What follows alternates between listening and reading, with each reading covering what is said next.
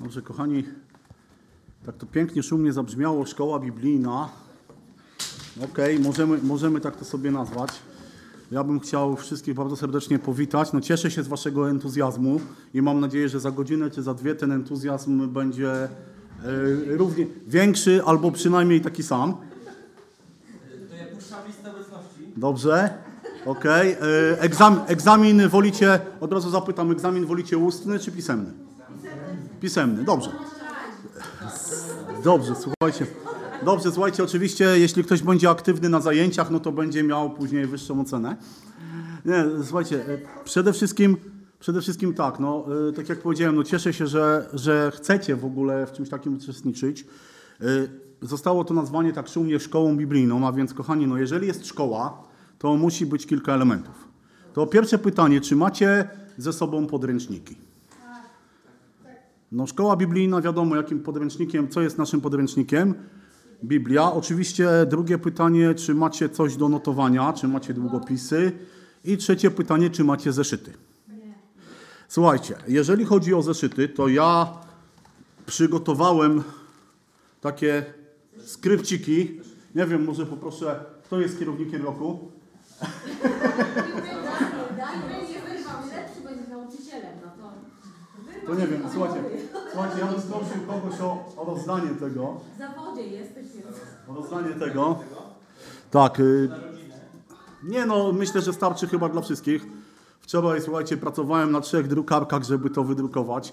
Dzisiaj, kiedy sobie na to popatrzyłem, no widzę niedoskonałości tego skryptu, jeżeli chodzi o jego składanie, no ale, y, że tak powiem, miejmy nadzieję, że może ktoś będzie chciał to jak, w jakiś sposób bardziej uporządkować. Wiecie co, no ta, też a propos tych skryptów, no to chciałbym podziękować Justynie, która wczoraj przez długi okres czasu to wszystko składała, bindowała i yy, jakby przygotowywała, żeby, żeby to wyglądało jak wygląda. Yy, W tym skrypcie no, są takie pewne główne myśli, które też chciałem tutaj zawrzeć. On jest dosyć długi, więc od razu uprzedzę kolejne pytanie, bo parę osób już się mnie pytało, ile dzisiaj przewidujesz? Powiem tak. Ile dzisiaj przewiduję, ile to będzie trwało, będę mógł odpowiedzieć, jeżeli Pan Bóg po raz drugi da mi możliwość takie wykłady poprowadzić. Bo nie wiem. Może to potrwać pół godziny, może to potrwać godzinę, może to potrwać kilka godzin. No wszystko zależy od, y, od tego, jak Pan Bóg mnie poprowadzi, od tego, jak bardzo Wasz współczynnik ziewalności będzie y, tutaj działał. Wiecie, y, powiem tak, no, kiedy myślałem w ogóle o tym pomyśle, tej szkoły biblijnej im się dzieliłem, to też to nie jest tak, słuchajcie, że y, to, co tutaj będziemy mówić, jest dla Was jakąś nowością. Bo jestem przekonany, że te rzeczy, o których tutaj będziemy dzisiaj sobie mówić i może jeśli Pan Bóg da w kolejnych spotkaniach, to doskonale wiecie, no bo jeżeli jesteście, jeżeli jesteście ludźmi, a mam nadzieję, że takimi jesteście, którzy Biblię czytają, to pewne rzeczy, pewne fakty, pewne obrazy z Biblii, no macie w głowie. I to nie jest tak, że nagle tutaj, wiecie, wow, odkryjemy coś, tylko po prostu bardziej mi się chyba się wydaje, że w tym temacie będziemy mogli sobie pewne rzeczy usystematyzować, poukładać, bo Biblia jest wspaniałą księgą, ale wiecie, ona nie jest też tak ułożona chronologicznie, więc czasem pewne rzeczy trzeba z różnych miejsc powyciągać i powkładać. To tyle tytułem wstępu. Y, Mam prośbę, żeby ktoś szybko pilnował jakiegoś czasu, żeby to też, wiecie, nie trwało za długo. Jeśli, nie wiem, ktoś będzie stwierdzić, że czas na przerwę, to czas na kawę, to ja zawsze kawy, kawy mówię, nie odmawiam nigdy, więc dobrze, to tyle tytułem wstępu. Kochani, na początek chciałbym, żebyśmy otworzyli podręczniki na liście do Hebrajczyków. Pierwszy rozdział, pierwszy werset i drugi. Nie wiem, czy ja mam czytać, czy wy będziecie woleli czytać. Ale wiecie, aktywizuj. Dobra, to jeżeli ktoś ma już otwarty pierwszy list, y, znaczy list do Hebrajczyków, pierwszy rozdział, pierwsze dwa wersety, to chciałbym, żeby przeczytać na głos. List do Hebrajczyków, pierwszy rozdział, pierwsze dwa wersety. Można, tak, można. Wielokrotnie i wieloma sposobami przemawiał Bóg dawnymi czasy do ojców przez proroków. Ostatnio, u czasu tych dni, przemówił do nas przez Syna, którego ustanowił dziedzicem wszech rzeczy, przez którego także wszechświat stworzył. Dobrze, i wiecie co? I tak naprawdę od tego wersetu chciałem zacząć, ponieważ jeżeli patrzymy na, na Biblię, na jej cały przekrój, to według to możemy dojść do takiej myśli, czym jest Biblia w ogóle. Wiecie, tak naprawdę dla mnie osobiście no to jest to, co też napisałem, że Biblia jest takim zapisem, jak bardzo Bóg od początku, od stworzenia do końca troszczy się o człowieka. Jak bardzo Bóg y, jest zaangażowany w to, żeby człowiek, każdy z nas przede wszystkim odkrył Chrystusa i przede wszystkim odkrył to, że Chrystus jest tym, który nam daje zbawienie. Tak naprawdę cała Biblia, jak ktoś kiedyś powiedział, nawet tutaj z tego miejsca, jest chrystocentryczna i skierowana na, skoncentrowana na kim? Na Chrystusie. To Chrystus, to Pan Jezus jest tematem Biblii od początku, od pierwszej księgi Mojżeszowej, aż do księgi objawienia, on jest tematem. I tak jak powiedzieliśmy sobie też tutaj, no Biblia mówi o Chrystusie. I tak naprawdę, kiedy mówimy o szkole biblijnej, o Biblii, to musimy siłą rzeczy mówić o Chrystusie. Nie da się oddzielić tematów Biblii, nie da się oddzielić jakiegoś tematu Biblii od Chrystusa, bo to jest niemożliwe. Ponieważ Chrystus jest centrum, Chrystus jest tym, o którym ta księga mówi. I oczywiście pytanie teraz pierwsze, jak dzielimy Biblię? Stary i Nowy Testament, tak? Stary Testament jest tym fragmentem Bożego Słowa, który co robi? Dobra. Pierwszy, Ewangelia Jana, 5 rozdział, 39 werset.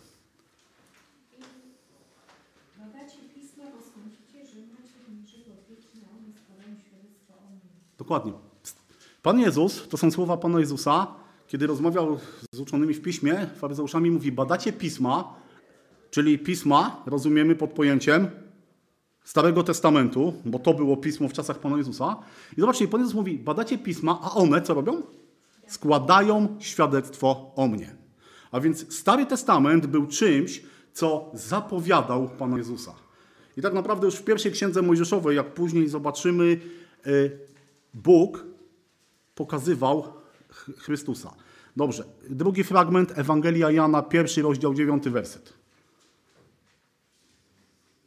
Prawdziwa światłość, która oświeca każdego człowieka, przyszła na świat. Dokładnie. To są słowa apostoła Jana, który mówi o Panu Jezusie.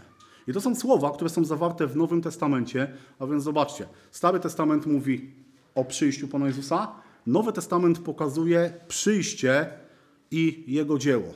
Nowy Testament jest zapisem tego, jak Jezus przyszedł, jak Jezus, co Jezus zrobił i oczywiście tym największym aktem tego, co Chrystus zrobił dla mnie, dla Ciebie, dla każdego człowieka, jest to, że umarł i że zmartwychwstał. I Nowy Testament jest o tym, jak bardzo Bóg zaangażowany jest w dzieło zbawienia. Jak bardzo zależy mu, tak jak już mówiłem wcześniej, na tym, żeby ten świat, grzeszny świat, żeby grzeszni ludzie, którzy w swoich grzechach umierają, idą na potępienie, poznali Pana Jezusa Chrystusa. I to wszystko jest jakby tym głównym tematem Biblii. Pytanie kolejne techniczne, jak mówimy Stary Testament, Nowy Testament, to Stary Testament ile liczy ksiąg? 39 ksiąg i mniej więcej jego czas napisania to jest około tysiąca lat. Od pierwszej księgi Mojżeszowej do ostatniej, którą jest księga Malachiasza. Nowy Testament liczy ile ksiąg?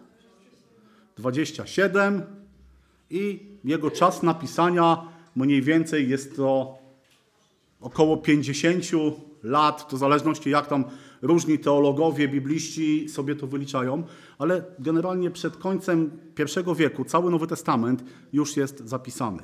I tak jak Biblia jest napisana w przestrzeni 1500 lat, jest tak, Stary Testament i Nowy Testament, ale pomiędzy tymi testamentami jest taki okres ciszy, okres międzytestamentowy, 400 lat milczenia. I dlaczego on się tak nazywa? Ponieważ między końcem Starego Testamentu, księgą Malachiasza, a początkiem Nowego Testamentu przez te 400 lat nie powstała żadna księga, znaczy może inaczej. Księgi powstawały, ale nie powstała żadna księga, która by była natchniona przez Boga i nie powstał żaden prorok aż do czasów Jana Chrzciciela, który przyszedłby na ziemię i przekazał, pokazał ludziom Boże przesłanie. I właśnie dzisiaj chciałem głównie albo szczególnie zająć się tym czasem tych 400 lat, tak zwanych lat milczenia, lat ciszy, czy jakkolwiek się je nazywa. Wiecie, bo tak naprawdę ten, ten okres 400 lat jest takim pomostem, albo mostem, który łączy Stary Testament, który mówił, tak jak powiedzieliśmy sobie o przyjściu Pana Jezusa, z Nowym Testamentem, który ten, to przyjście Pana Jezusa pokazuje i wszystko inne, co jest potrzebne nam do życia, do pobożności, do zbawienia, jest zapisane. I te, czte- bo mówię, to jest, to jest te 400 lat i tym się zajmiemy, bo wiecie, to nie było tak, że Pan Bóg skończył Stary Testament i nagle błysnęło, huknęło i pojawia się Nowy Testament. Te 400 lat, te 400 lat ciszy to był to był taki czas, w którym zmieniały się różne rzeczy. Zmieniała się historia, zmieniała się perspektywa, zmieniały się społeczeństwa, zmieniali się ludzie. Y, I pytanie, które też nie wiem, czy macie w tym skrypcie, bo nie pamiętam, co w nim zawarłem, jest takie, jakie ma to dla nas znaczenie dzisiaj? Bardzo dobra odpowiedź. Tutaj widzę.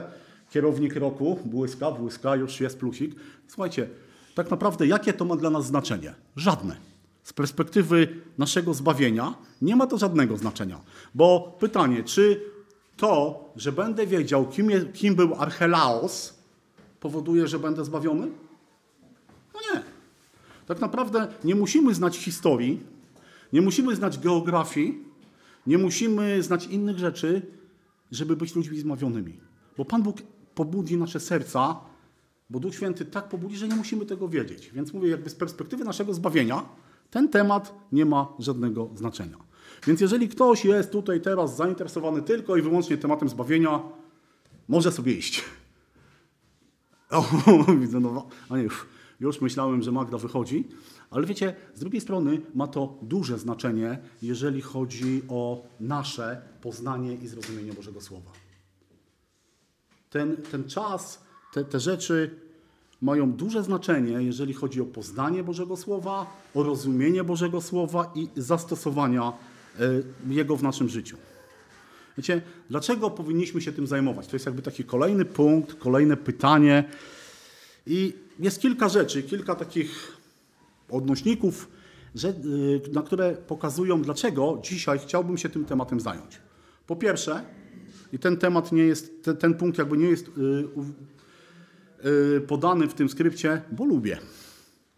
Wiecie, bo bardzo lubię ten fragment, ten okres historii, więc, a ponieważ skorzystałem z tego, że dzisiaj tutaj pierwszy stoję, więc możemy się tym zająć, ale wiecie, też są inne y, ważne według mnie powody, dla których powinniśmy popatrzeć, zapoznać się z tym fragmentem.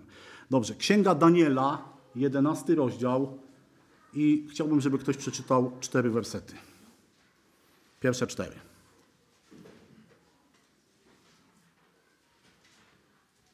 W pierwszym roku Dariusza Meda stanąłem, aby go pokrzepić i wzmocnić, a teraz oznajmię Ci prawdę.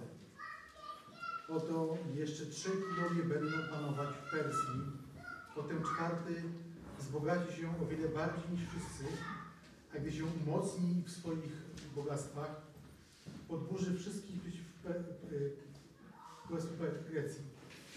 I powstanie potężny król, który będzie sprawował władzę wielką i będzie czynił według swojej woli, a gdy on się umocni, jego królestwo zostanie pokruszone i rozdzielone na cztery strony świata, ale nie między jego potomków, ale według władzy, jaką sprawował.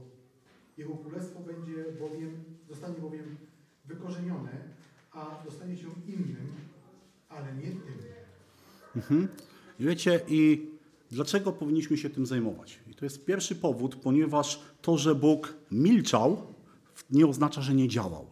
I to proroctwo, które tutaj czytamy z Księgi Daniela, które było napisane kilkaset lat przed tymi wydarzeniami, o których, znaczy no, jakiś czas, no może no, przed tymi wydarzeniami, y, będzie, jak później zobaczymy, będzie miało duży wpływ na to, o czym będziemy rozmawiać. To, że Bóg milczał, nie znaczy, że nie działał, i to był taki czas, kiedy wypełniały się pewne proroctwa. Bo tutaj, w ten fragment z Księgi Daniela jest proroctwem. I on mówi właśnie o czasach, których, w których y, nie są opisane w Biblii, a które się wydarzyły. Drugi powód to jest to, że, nasza, że w czasie, kiedy te 400 lat trwało, kiedy był, był ten okres, to słuchajcie, pojawia się wiele rzeczy, które, o których czytamy w Nowym Testamencie. Na przykład takie określenia jak synagoga. Wiemy, czym była? Pewnie wiemy. Faryzeusze, saduceusze, uczeni w piśmie, nauka starszych, to wszystkie rzeczy są, te wszystkie wymienione rzeczy znamy z Nowego Testamentu, nie ma ich w Starym Testamencie, ponieważ pojawiły się w tym okresie tych 400 lat i wiemy o tym, ale ta nasza wiedza właśnie po, potrzebuje takiego, wiecie, ułożenia i usystematyzowania. To jest drugi powód. Trzeci, pytanie. Gdzie poznajemy Boże Słowo? Kiedy mamy z Nim kontakt? Jak je czytamy, tak? Tu generalnie tak. Wiecie, mamy, mamy kontakt z Bożym Słowem podczas kazań, tak? Kiedy ktoś wychodzi, mówi. Mamy kontakt z Bożym Słowem, kiedy słuchamy, nie wiem, wykładów, kazań, ale to, co Magda powiedziała, jakby ten najważniejszy kontakt z Bożym Słowem mamy, kiedy je czytamy. I to już kiedyś powiedziałem, słuchajcie, ani żadne kazanie, ani żaden wykład, ani, nie wiem, najlepsza konferencja nigdy nie zastąpi człowiekowi osobistego studiowania Bożego Słowa. I kiedy czytamy Boże Słowo, kiedy je rozważamy, kiedy mamy ten, ten kontakt z Bogiem, to Pan Bóg przemawia do nas przez swoje Słowo i jeżeli znamy pewne rzeczy z Bożego Słowa, jeżeli wiemy o tym, kim byli faryzeusze, jeżeli znamy pewne ich założenia, wiecie, o wiele więcej rozumiemy z Bożego Słowa. Prosty przykład. Mamy list do Hebrajczyków, który cytowaliśmy na początku. Wiecie, list do Hebrajczyków o czym mówi głównie? Jakby jakim tematem się zajmuje? Jak pokazuje Pana Jezusa? Jako człowieka i Boga. Jako człowieka, jako Boga. Co jeszcze? Jako arcykapłana, jako ofiarę, jako świątynię. Wiecie, list do Hebrajczyków w dużym stopniu pokazuje właśnie Pana Jezusa od tej strony. I wiecie, mam taką, taką propozycję, prośbę, nie wiem jak to nazwać. Spróbujcie najpierw, przeczy, znaczy, przeczytajcie sobie list do Hebrajczyków, wynotujcie sobie to, co zapamiętaliście, a później sobie przestudiujcie na przykład Stary Testament pod kątem świątyni, ofiar, arcykapłana i przeczytajcie jeszcze raz list do Hebrajczyków. Ja tak kiedyś zrobiłem, słuchajcie, Pan Bóg otwiera zupełnie inne perspektywy. I nagle się okazuje, że to, co dla nas, jak za pierwszym razem czytaliśmy, było takie mało ważne, okazuje się, że bardzo rozszerza nam mi, e, osobę Pana Jezusa, Jego miłość, Bożą miłość do nas. Więc dlatego to jest jakby kolejny, kolejny punkt, który powinniśmy, dla którego powinniśmy jakby te rzeczy rozważyć, te, te, z tym się zapoznać. I ostatni, tutaj bym prosił o przeczytanie kilku fragmentów. Pierwszy to jest Ewangelia Łukasza, drugi rozdział i pierwsze pięć wersetów.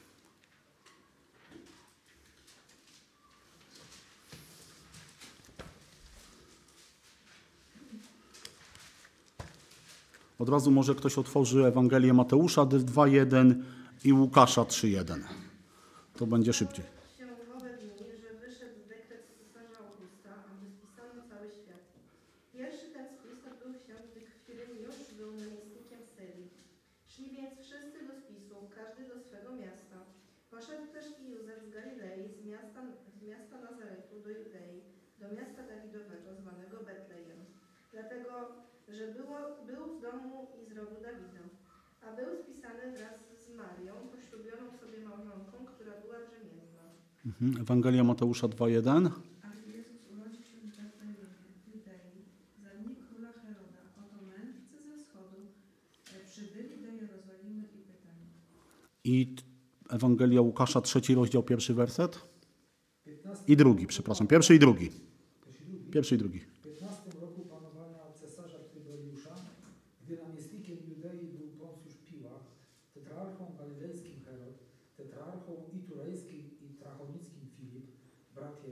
Cezarskiego, a tetrarchą apuleńskim Lizaniasz, za arcykapłanów Annasza i Kajfasza, doszło słowo Pana, słowo Boże Jana, e, syna Zachariasza na pustyni. Mhm. Dobrze, te trzy, te trzy fragmenty, ja wiem, że może ciężko je tak, wiecie, razem, razem zespolić, ale chciałbym, żebyście zwrócili uwagę na to, jak określany jest w tym fragmencie, w tych fragmentach czas. Cesarza. Panowanie cesarza. Panow- do, dokładnie, nie? Jest napisane zapanowania. Jest napisane w owe dni, za, gdy namiestnikiem był, za króla tego i tego, za arcykapłanów tych i tych, w 15 roku panowania. Zobaczcie, Pan Bóg, to mu, te, te fragmenty mówią o przyjściu Pana Jezusa. Zobaczcie, Pan Bóg dokładnie zaplanował czas. I wiecie, i Pan Bóg się nie wstydzi tego, kiedy to się stało. Dalej, jakie kraje są tu wymienione?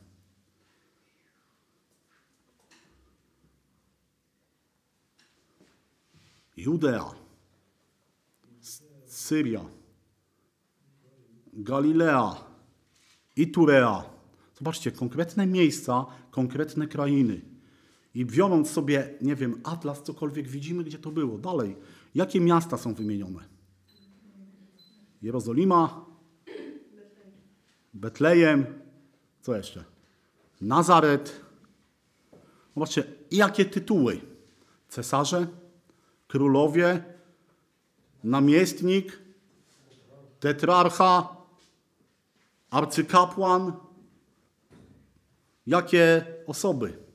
Herod, August, Kwiryniusz, Tyberiusz, Piłat, Filip, Annasz, Kajfasz, Lizniasz. Zobaczcie. Pan Bóg poświęcił 400 lat, żeby przygotować przyjście Jezusa w odpowiednim czasie, w odpowiednie miejsce, za odpowiednich ludzi. Więc jakby te cztery, te cztery rzeczy uznałem, że są ważne i mam nadzieję, że dla Was też są ważne, aby ten, ten okres poznać. Właśnie to, że mamy to, co mamy, tak? Że te, te wszystkie rzeczy, o których tutaj mówiliśmy, czyli że Bóg, to pokazuje Boże działanie, to pokazuje też to Boże przygotowanie do, do, do tego, żeby Pan Jezus przyszedł. Nie wiem, jak tam ze współczynnikiem ziewalności. Jeszcze, jeszcze, jeszcze jest dobrze, tak? Dobrze, słuchajcie, więc tak. Ma, mamy jakby te założenia wstępne, wiemy już pewne rzeczy i chciałbym, żebyśmy teraz sobie y, popatrzyli też właśnie na to w ten sposób, że y, Pan Bóg przez 400 lat przygotowywał te, te wspaniałe rzeczy. I tak jak powiedziałem sobie, powiedziałem, powiedzieliśmy na początku, stary, ten czas tych 400 lat jest takim pomostem między Starym Testamentem a Nowym Testamentem, tak? Taką kładką, która pozwala nam przejść ze Starego do Nowego Testamentu. I ponieważ mamy jakby te dwa brzegi, no to chciałbym, żebyśmy na chwileczkę zatrzymali się na tym pierwszym brzegu, a więc brzegu Starego Testamentu, żebyśmy sobie tak krótko albo dłużej popatrzyli na, nowy, na Stary Testament, ale wiecie, też pod kątem tego, jak on zapowiadał przyjście Pana Jezusa. I Stary Testament, kiedy myślimy o Starym Testamencie, no to wiecie, to w naszych głowach bardzo często jest taki mętlik, tak? Bo tego jest dużo, bo to mówi o wielu rzeczach i jeśli na samym początku jest jeszcze w miarę łatwo i prosto, to w pewnym momencie dochodzimy do takich miejsc, do takich ksiąg, że ręce nam, ręce nam opadają, mam, ale mam nadzieję, że jak Pan Bóg pozwoli, to też i z tym, z tym się uporamy. I chciałbym właśnie teraz zająć się taką chronologią Starego Testamentu. W tych waszych skryptach jest chyba taki podział na, na pewne rzeczy. I jest tutaj bodajże raz, dwa, trzy, kilka takich okresów, na które chciałbym, chciałbym, żebyśmy sobie krótko spojrzeli. I pierwszy okres to jest od stworzenia do powołania Abrahama. To jest taki okres początku. Takiego, to co czytamy mniej więcej w księgach mojżeszowych.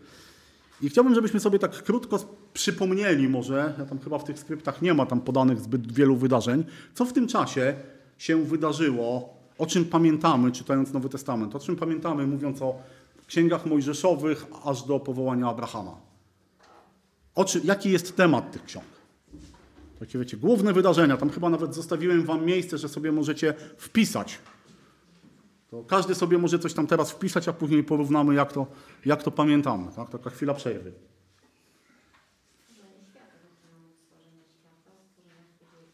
Dokładnie.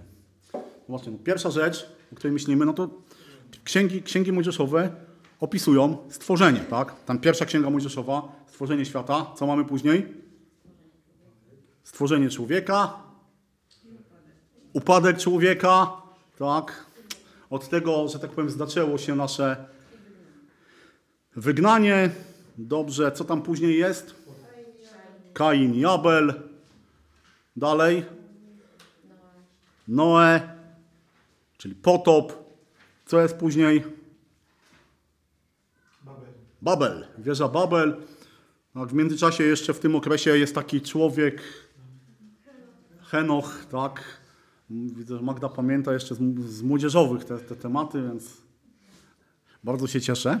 Albo po prostu tak czyta Biblię, że wie i jest Henoch. I wiecie, i tak naprawdę to jest ten okres początków, ale to już jest ten okres, kiedy Pan Bóg pokazuje ludziom, że przyjdzie Zbawiciel jeżeli macie otworzoną pierwszą księgę Mojżeszową, trzeci rozdział, 15 werset. Prowadzę nieprzyjaźń między tobą a kobietą, między twoim potomstwem a jej potomstwem. Ono ci głowę, a ty mu. Mhm. To jest zapowiedź Pana Jezusa. Kiedy człowiek zgrzeszył, kiedy nastąpił ten akt, że Pan Bóg musiał zareagować na Boży grzech, i wiecie, i Pan Bóg doskonale wiedział, że człowiek sam sobie z tym grzechem nie poradzi, to co robi? To daje tą obietnicę, że przyjdzie ten potomek, który przywróci tą Bożą społeczność. To jest jakby ten pierwszy okres. Dalej mamy okres, który nazwałem okresem patriarchów, czyli przynajmniej czterech takich ludzi, których możemy nazwać patriarchami, mianowicie Abraham, Izaak, Jakub i Józef. No i dobrze, Abraham. Z czym nam się kojarzy Abraham? Jakie wydarzenia? No, Pan Bóg go powołał, tak? Wiecie, to było takie Boże działanie na zasadzie nie, że Abraham był taki dobry, taki wspaniały, że Pan Bóg nie miał wyjścia, tylko Pan Bóg go powołał, Pan Bóg go wybrał, powiedział wyjdź, wyjdź z tej ziemi, przejdź tutaj, ja Cię będę prowadził. Dalej mamy, prawda, to, o czym Magda też mówiła, właśnie przymierze. Pan Bóg zawiera przymierze z tym człowiekiem. Zobaczcie, Pan Bóg jest zainteresowany. To nie jest tak, że Abraham mówi, Panie Boże, ja bym chciał zawrzeć z Tobą przymierze. Nie, to Pan Bóg mówi, Abrahamie, chcę zawrzeć z Tobą przymierze. Dalej mamy co? Obietnica, tak? Ta obietnica, że będziesz miał potomstw, potomka, ale jest też obietnica, że w Twoim potomku będzie błogosławione, ca, cała, cała ludzkość będzie błogosławiona. Później mamy właśnie narodzenie Izaaka z Izaakiem, góra Mojra, tak? Ofiarowanie. Wiecie, i też ofiarowanie Izaaka, zobaczcie, jest takim typem, takim obrazem tego, że Pan Jezus też będzie ofiarowany. Dalej mamy Melchizedeka, tam się jeszcze pojawia, tak? Arcykapłan, nie wiadomo skąd, nie wiadomo za bardzo o jego rodowodzie, ale do kogo kapłaństwo Chrystusa jest przyrównane? Do jego kapłaństwa. Izaak, później mamy Jakuba, z Jakubem. Takie wydarzenia, które nam się kojarzą.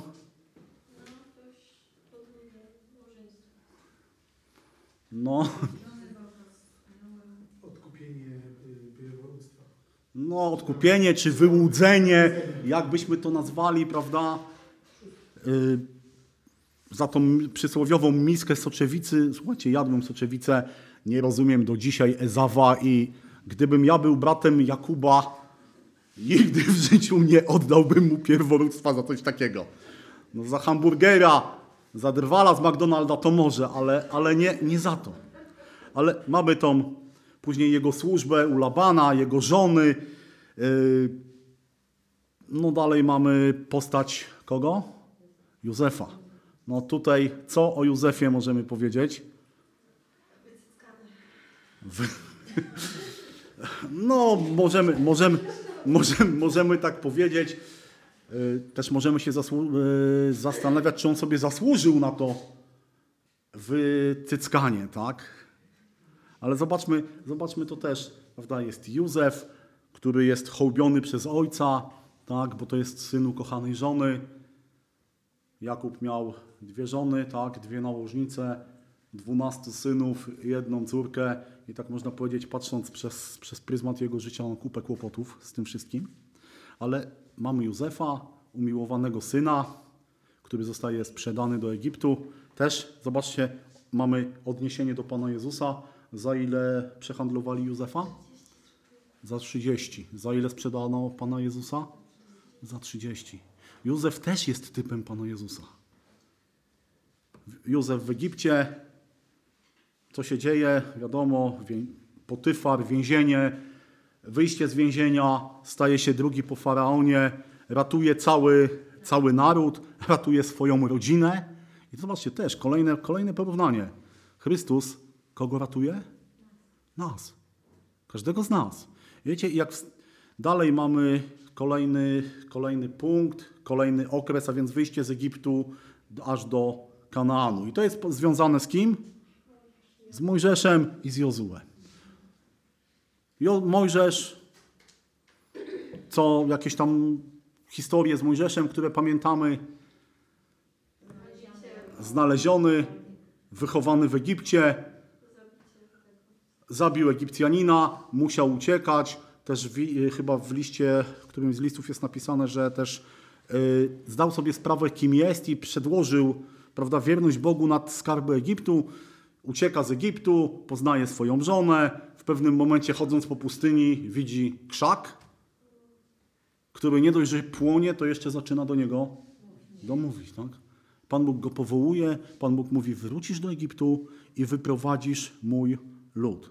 No i dalej widzimy tą, pamiętamy tą historię, on wraca, są plagi, faraon, którego serce jest twarde i właściwie no, co chwilę zmienia zdanie. Jak tylko wiecie, groza przestała mu zagrażać, to mówi: A ja i tak tego ludu nie wypuszczę. No i przychodzą kolejne plagi. Ostatnia plaga, pamiętamy jaka? Śmierć pierworodnych. W domach Egipcjan wielka żałoba, w domach Izraela nic się nie dzieje. Dlaczego? Bo są, bo odrzwia są pomalowane krwią baranka. Zobaczcie, kolejne, kolejne odniesienie. Krew baranka, która uratowała Izraelitów. Z czym nam się kojarzy? Z Bożym ludem, tak? Z krwią baranka, która ratuje ciebie, ciebie i mnie. No i wchodzą, chodzą po pustyni, tam mamy w międzyczasie bunt, tak? y, Posłańcy posłani do ziemi Kanaan przychodzą, mówią: Ziemia jest świetna, ale mamy problem. Są olbrzymy, są miasta, jest to, jest tamto, dwunastu wywiadowców, dwóch. Pamiętamy, tak? Jozue i Kaleb o dziesięciu. Wiecie, jeszcze chyba nie spotkałem człowieka, powie, którego gdybym zapytał, wymień mi dwunastu wywiadowców, żeby wy, powiedział jakiegoś trzeciego. No zapewne są tacy ludzie, ale ci nie pamiętamy o nich. Dlaczego? Bo się okazali niewierni Bogu. Wchodzą do, po 40 latach wędrówki, błąkania się, też jest historia z wężami. Pamiętacie, Mojżesz wywyższył węża, kto spojrzał na niego z nadzieją, to co? Został uratowany. Chrystus, jak Mojżesz wywyższył, taki Chrystus został wywyższony. Tak? Kto przyjdzie pod krzyż, jest uratowany. Dalej mamy Jozłego, zdobycie Kanaanu. Tam też mamy różne takie sytuacje, o których pamiętamy. O jakich? Jericho. Tak, zdobycie Jericha i tam jest taka postać pewnej kobiety, Rahab. Nie wiem, czy siostry miały konferencję na temat też Rahab, ale pamiętajcie, jeszcze nie, ale będzie, to ja wam tylko powiem, pamiętajcie, że to jest kobieta, która jest wymieniona w rodowodzie Pana Jezusa. To też pokazuje, że prawda, Pan Bóg nie, nie skupiał się tylko na jednym narodzie, ale był zainteresowany całą ludzkością. I tam mamy jeszcze Aj, takie miasto, pod którym zostali, zostali pokonani, śmierć Jozułego i kolejny okres, okres sędziów. Tak, to był taki okres, który zaczyna się po śmierci Jozułego, kiedy jest napisane, że nie było wtedy króla w Izraelu i każdy robił sobie co chciał. I właśnie to jest pokazanie takiego, też taki obraz, mi się wydaje, Bożej, Boże, Bożego prowadzenia, że jeżeli nie ma Boga w Twoim życiu, jeżeli On nie nadaje Ci kierunku, to co? To każdy robi sobie co chce. I co jakiś czas w księdze, Jozłego, w księdze sędziów mamy taki schemat. Grzech, ucisk, pokuta, wybawienie. I znowu grzech, ucisk. I kilku sędziów zapewne nam się uda pamiętać. Było ich bodajże ośmiu czy dziewięciu, licząc to Heliego i Samuela, to nawet i dziesięciu. Których sędziów pamiętamy? Gedeon. Dlaczego? Co zrobił Gedeon? Ja wiem, że pamiętacie, bo tam macie napisane, ale generalnie, gdybyśmy nie wiedzieli... Gedeon, co zrobił? Rozkładał runo, tak? Tam dyskutował z Panem Bogiem. Też to znamy. Jeftę, który jest znany z tego, że miał problem po złożeniu obietnicy. Pamiętacie, co obiecał? Że pierwsze, co wyjdzie z jego domu, złoży Bogu na ofiarę. No i kto wyszedł? Jego córka. I do dzisiaj trwają spory, czy on faktycznie tą córkę złożył na ofiarę, czy ona ślubowała dziewictwo. Ja na razie się nie chcę tym zajmować, tak? No. Dalej mamy jeszcze postać takiego sędziego, który się nazywał Samson. Długowłosy, silny człowiek. I też widzieliśmy, widzimy w Nowym Testamencie jego postęp, w Starym Testamencie jego postępowanie, jego, jego działanie. Też ciekawe, że w tym, pamiętajmy o tym też siostry, nie wiem czy już mieliście o Rut, ale w, ale w okresie sędziów jest też historia księgi Rut. Później mamy co? W tym okresie sędziów jeszcze pojawia się człowiek, Samuel, którego Pan Bóg powołuje na swojego proroka i właściwie Samuel jest jednym pierwszym chyba prorokiem, który jest wymieniony, którym, do którego Pan Bóg mówi. Są tam też takie smutne sytuacje jak klęska, jak zabranie arki i w pewnym momencie co Izrael przychodzi i mówi do Samuela chcemy mieć króla. I oczywiście tam Pan Bóg, Pan Bóg mówi nie tobą wzgardzili, ale mną. I zobaczcie, to też jest takie, takie dosyć ciekawe, że my, wiedząc, że Pan Bóg jest naszym królem, że On nas prowadzi, bardzo często chcemy mieć innego króla. Okres królestwa. Na początku pierwszy król, Saul, człowiek, który się dobrze zapowiadał. Później dwu, dwukrotnie, że tak powiem, Panu Bogu mówi, robi coś innego niż mówi. Pojawia się Dawid, namaszczony na króla. To też taka, i Dawid dostaje też taką obietnicę, że jego potomek będzie potomkiem wiecznym. O kim tu jest mowa? Kto jest z rodu Dawida? Pan Jezus. No i mamy Dawida, tak, całą jego karierę. Dawid pokonuje Goliata, ucieka przed, Samuel, przed Saulem, w końcu zostaje królem. E, Ma różne perypetie w swoim życiu z kobietami, e, z synami. Skąd to znamy, można by było powiedzieć. Też mamy różne perypetie. Później pojawia się Salomon, człowiek, którego Pan Bóg wybiera do wspaniałej rzeczy budowy świątyni. Salomon buduje świątynię wspaniałą, o której tak wiele się dzieje. No i później, słuchajcie, nadchodzą czasy dziwne, straszne dla nas, czytelników Biblii, bo królestwo zostaje podzielone. Tak? Syn Salomona o wdzięcznym imieniu Rehabeam, Rehoboam, bo to w zależności od tłumaczenia, wpada na pomysł, że będzie bardziej twardy niż jego ojciec. I wynik tego jest taki, że dziesięć plemion mówi co? Nie mamy z tobą działu. Bawcie się sami. My zabieramy nasze zabawki, idziemy do naszej piaskownicy i wy zostajecie. I jest podział królestwa. Dwa królestwa. Północne i południowe. I, i jak mówię, nie wiem, ile, ile czasu mówię już?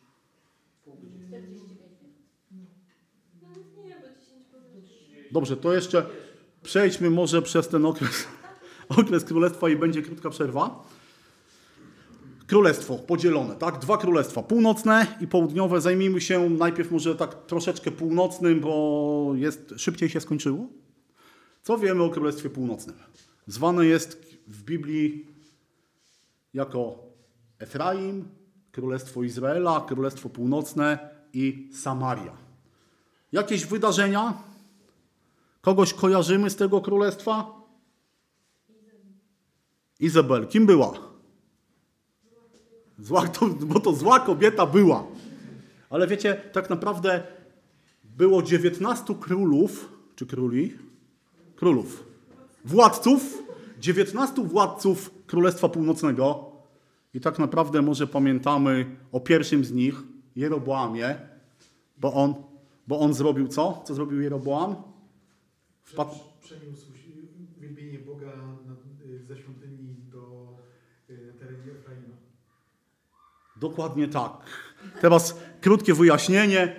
Wiecie, Jeroboam był bardzo mądrym człowiekiem z ludzkiego punktu widzenia. Ponieważ kiedy to królestwo się rozdzieliło, świątynia była gdzie? W Jerozolimie, w Judzie, więc on wpadł na dobry pomysł. No co będzie, kiedy ludzie zaczną pielgrzymować do Jerozolimy? No, spotkają się tam z tymi ludźmi z Królestwa Południowego i może im się spodoba. Więc dał im zastępstwo. Postawił dwie, dwa posągi, jeden w Dan, drugi w Betel, żeby ludzie mogli pielgrzymować tam. Drugi król, o którym pamiętamy, Jehu, tak? Jehu, powiem wam szczerze, to był człowiek, na którym chyba się Pan Bóg najbardziej zawiódł. Bo on się dobrze zapowiadał. Bo on właściwie z takiej własnej inicjatywy wybił proroków Bala, a później popłynął z prądem. Ale też pamiętamy Królestwo Północne z powodu jednego króla. Tutaj była wymieniona już jego żona, Izabel. Natomiast ten król miał na imię Ahab. I Ahab był królem, którego chyba najbardziej pamiętamy, dlatego że w jego czasach działał prorok Eliasz.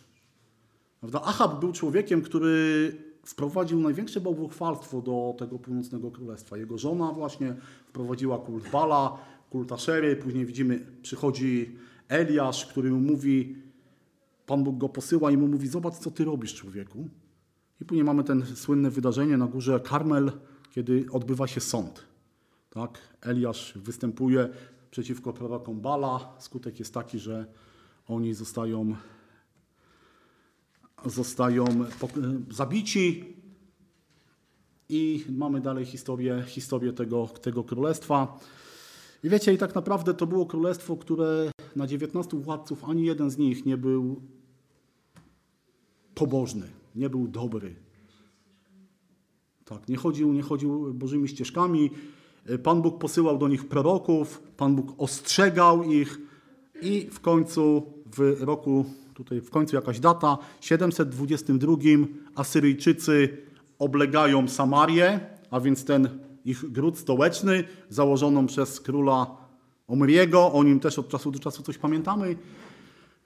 Samaria zostaje zdobyta, Asyryjczycy uprowadzają naród do Asyrii, na ich, zostaje tam jakaś tam niewielka resztka takich ludzi, z których Asyryjczycy stwierdzili, nie będziemy z nich, z nich mieć żadnego pożytku, ale żeby ta ziemia nie stała odłogiem, sprowadzają ludy z różnych krajów, które łączą się, asymilują i powstaje naród, o którym możemy powiedzieć, że jest narodem samarytańskim. Tak? To są Samarytanie. No dobrze, tutaj mamy królestwo, królestwo północne, ono upada. Co ciekawe, jeszcze taka ciekawostka, ci, którzy zostali uprowadzeni z tego królestwa, nigdy więcej nie wrócili na swój teren. Mamy królestwo południowe, królestwo Judy, no, królestwo, o których wiemy coś więcej, mam nadzieję. Kogo kojarzymy z tego królestwa? Dokładnie, mój ulubiony król, król Hiskiasz, zwany również Ezechiaszem, w zależności od tłumaczenia. Był to król, który postanowił odnowić kult świątyni, kult, y, kult Jahwe. Innym królem jest Jozjasz, ten, który, kiedy znaleziono Księgę Zakonu, też poszedł w Boże, w Boże prowadzenie. Co ciekawe, słuchajcie, też było 19 królów Judy. Plus jeszcze Atalia, która była córką Izabeli i Ahaba i też w pewien sposób chciała przerwać jakby ten ród Dawida, przejęła władzę, ale no, została, została, że tak powiem, yy, sprowadzona, sprowadzona na ziemię. W Królestwie Judy mamy co? Mamy przede wszystkim tych dwóch królów, którzy y, byli bożymi królami, ale było jeszcze kilku, bodajże oprócz tych dwóch jeszcze sześciu, o których czytamy w Starym Testamencie, że byli, chodzili ścieżkami swojego praojca Dawida. A więc, wiecie, to było takie królestwo, w którym co jakiś czas ten y, łańcuch tych pogańskich król, tych pogańskich król, pogańskich, no, wyznających pogaństwo króli został przerywany przez Bożego, Bożego człowieka, który oczyszczał, który z powrotem wprowadzał kult Boga, a później znowu kolejny król. To jest, słuchajcie, bardzo ciekawe. Hiskiarz, tak jak powiedziałem, mój ulubiony król, o którym, jeśli dobrze pamiętam, to Boże Słowo mówi, że nie było ani przed, przed nim, ani po nim takiego człowieka. Wiecie, jak miał na imię jego syn? Menasses. Wiecie, nie było tak, jakby to nazwać, obrzydliwie zakochanego w pogaństwie człowieka jak on. To też nam pokazuje, że nasze dzieci wcale nie muszą iść w ślady swoich rodziców.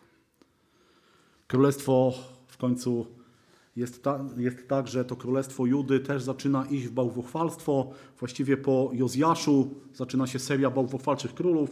No i staje się, co się stało, co się stało. Przychodzą Babilończycy, pokonują w roku 586 i zdobywają Jerozolimę, świątynia zostaje spalona, część ludzi, znaczy ludność zostaje uprowadzona do Babilonu. I tutaj też taka ciekawostka, to nie jest tak, że wszyscy naraz zostali zebrani, bo było kilka deportacji i tak naprawdę kiedy bodajże Ezechiel jest już yy, w Babilonie, to niektórzy już tam się nieźle urządzili. I też ten okres tych obydwu królestw jest takim, kró- takim okresem, w którym Pan Bóg, to nie było tak, że Pan Bóg zapominał o tym ludzie. Wiecie, kiedy oni grzeszyli, w jednej i z drugiej strony, Pan Bóg posyła specjalnych ludzi do nich, posyła proroków. I prorocy generalnie mają dwa zadania. Pierwsze ich zadanie było takie, że mówili, jeżeli się nie opamiętacie, jeżeli się nie nawrócicie, jeżeli nie przyjdziecie do Boga, to, wasze, to będzie z wami źle, to Pan Bóg będzie was karał. Jeżeli jakiś król był otwarty na Boże Słowo, jeżeli słuchał Boga, tak jak na przykład Hiskiarz, do którego czasach działał właśnie król, e, przepraszam, prorok Izajasz, kiedy lud słuchał proroków, to wiecie, kiedy się nawracali do Boga, to Pan Bóg im błogosławił, oddalając od nich niebezpieczeństwo. I też drugą rzeczą, którą ci prorocy robili, to oni zapowiadali. Wiecie, proroctwa w Starym Testamentu są pełne zapowiedzi o Mesjaszu. Kiedy weźmiemy księgę Izajasza, to wiecie, ktoś ją kiedyś tak pięknie nazwał, że to jest Ewangelia Starego Testamentu. W księdze Izajasza jest tak wiele proroctw dotyczących Chrystusa, że to tak naprawdę byśmy musieli, nie wiem, wiele książek, wiele godzin spędzić na tym, żeby je wszystkie poznać. Ten słynny fragment 53 rozdział Księgi Izajasza, tak? O tym słudze Pana. Wypisz, wymaluj, tak? Do kogo, do kogo pasuje? Do Pana Jezusa. I tak jak powiedziałem, królestwo zostało podbite, do Babilonu zostają deportowani ludzie w kilku deportacjach. W końcu przychodzi ten, ten moment, kiedy świątynia, tak jak powiedziałem, zostaje spalona. Następuje deportacja, następuje czas, kiedy oni, oni są w niewoli tam mają 70 lat na to, żeby sobie pewne sprawy przemyśleć i poukładać. Dobrze, to przerwa. Słuchajcie, więc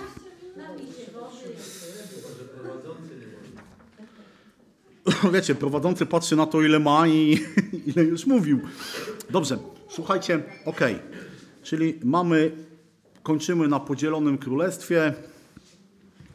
Mamy, mamy tam też tą sytuację, o której wspominałem, a więc działanie proroków. I słuchajcie, taka przerwa dla mnie, a konkurs dla Was. Jeżeli macie te swoje skrypty, to tam macie coś takiego wyszczególnione prorocy Starego Testamentu. Posłani do Izraela, posłani do Judy, piszący na wygnaniu, prorocy po wygnaniowi. Jest coś takiego? No to teraz taka, taki krótki teścik, kreś- krótki teścik wiedzy, żebyście sobie spróbowali wpisać. A propos proroków jeszcze, no to wiecie, jest kilku, jest kilku proroków, którzy, których ksiąg nie mamy, tak? Elize, e, Eliasz, Elizeusz, ale mamy też te księgi prorockie w Starym Testamencie. Jest ich dokładnie 16. Czterech proroków jest nazwanych większymi prorokami, 12 małymi, więc spiszmy sobie, którzy to byli którzy. I, i gdzie działali.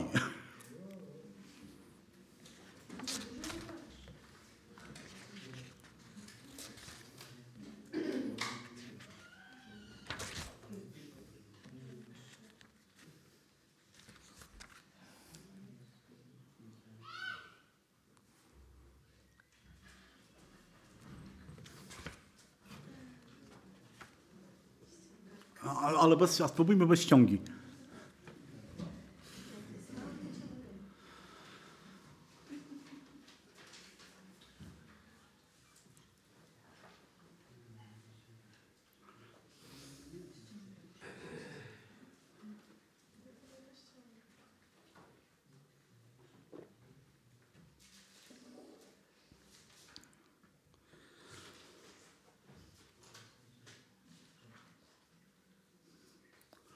Spokojnie, nie śpieszcie się, do 14.30 mamy czas.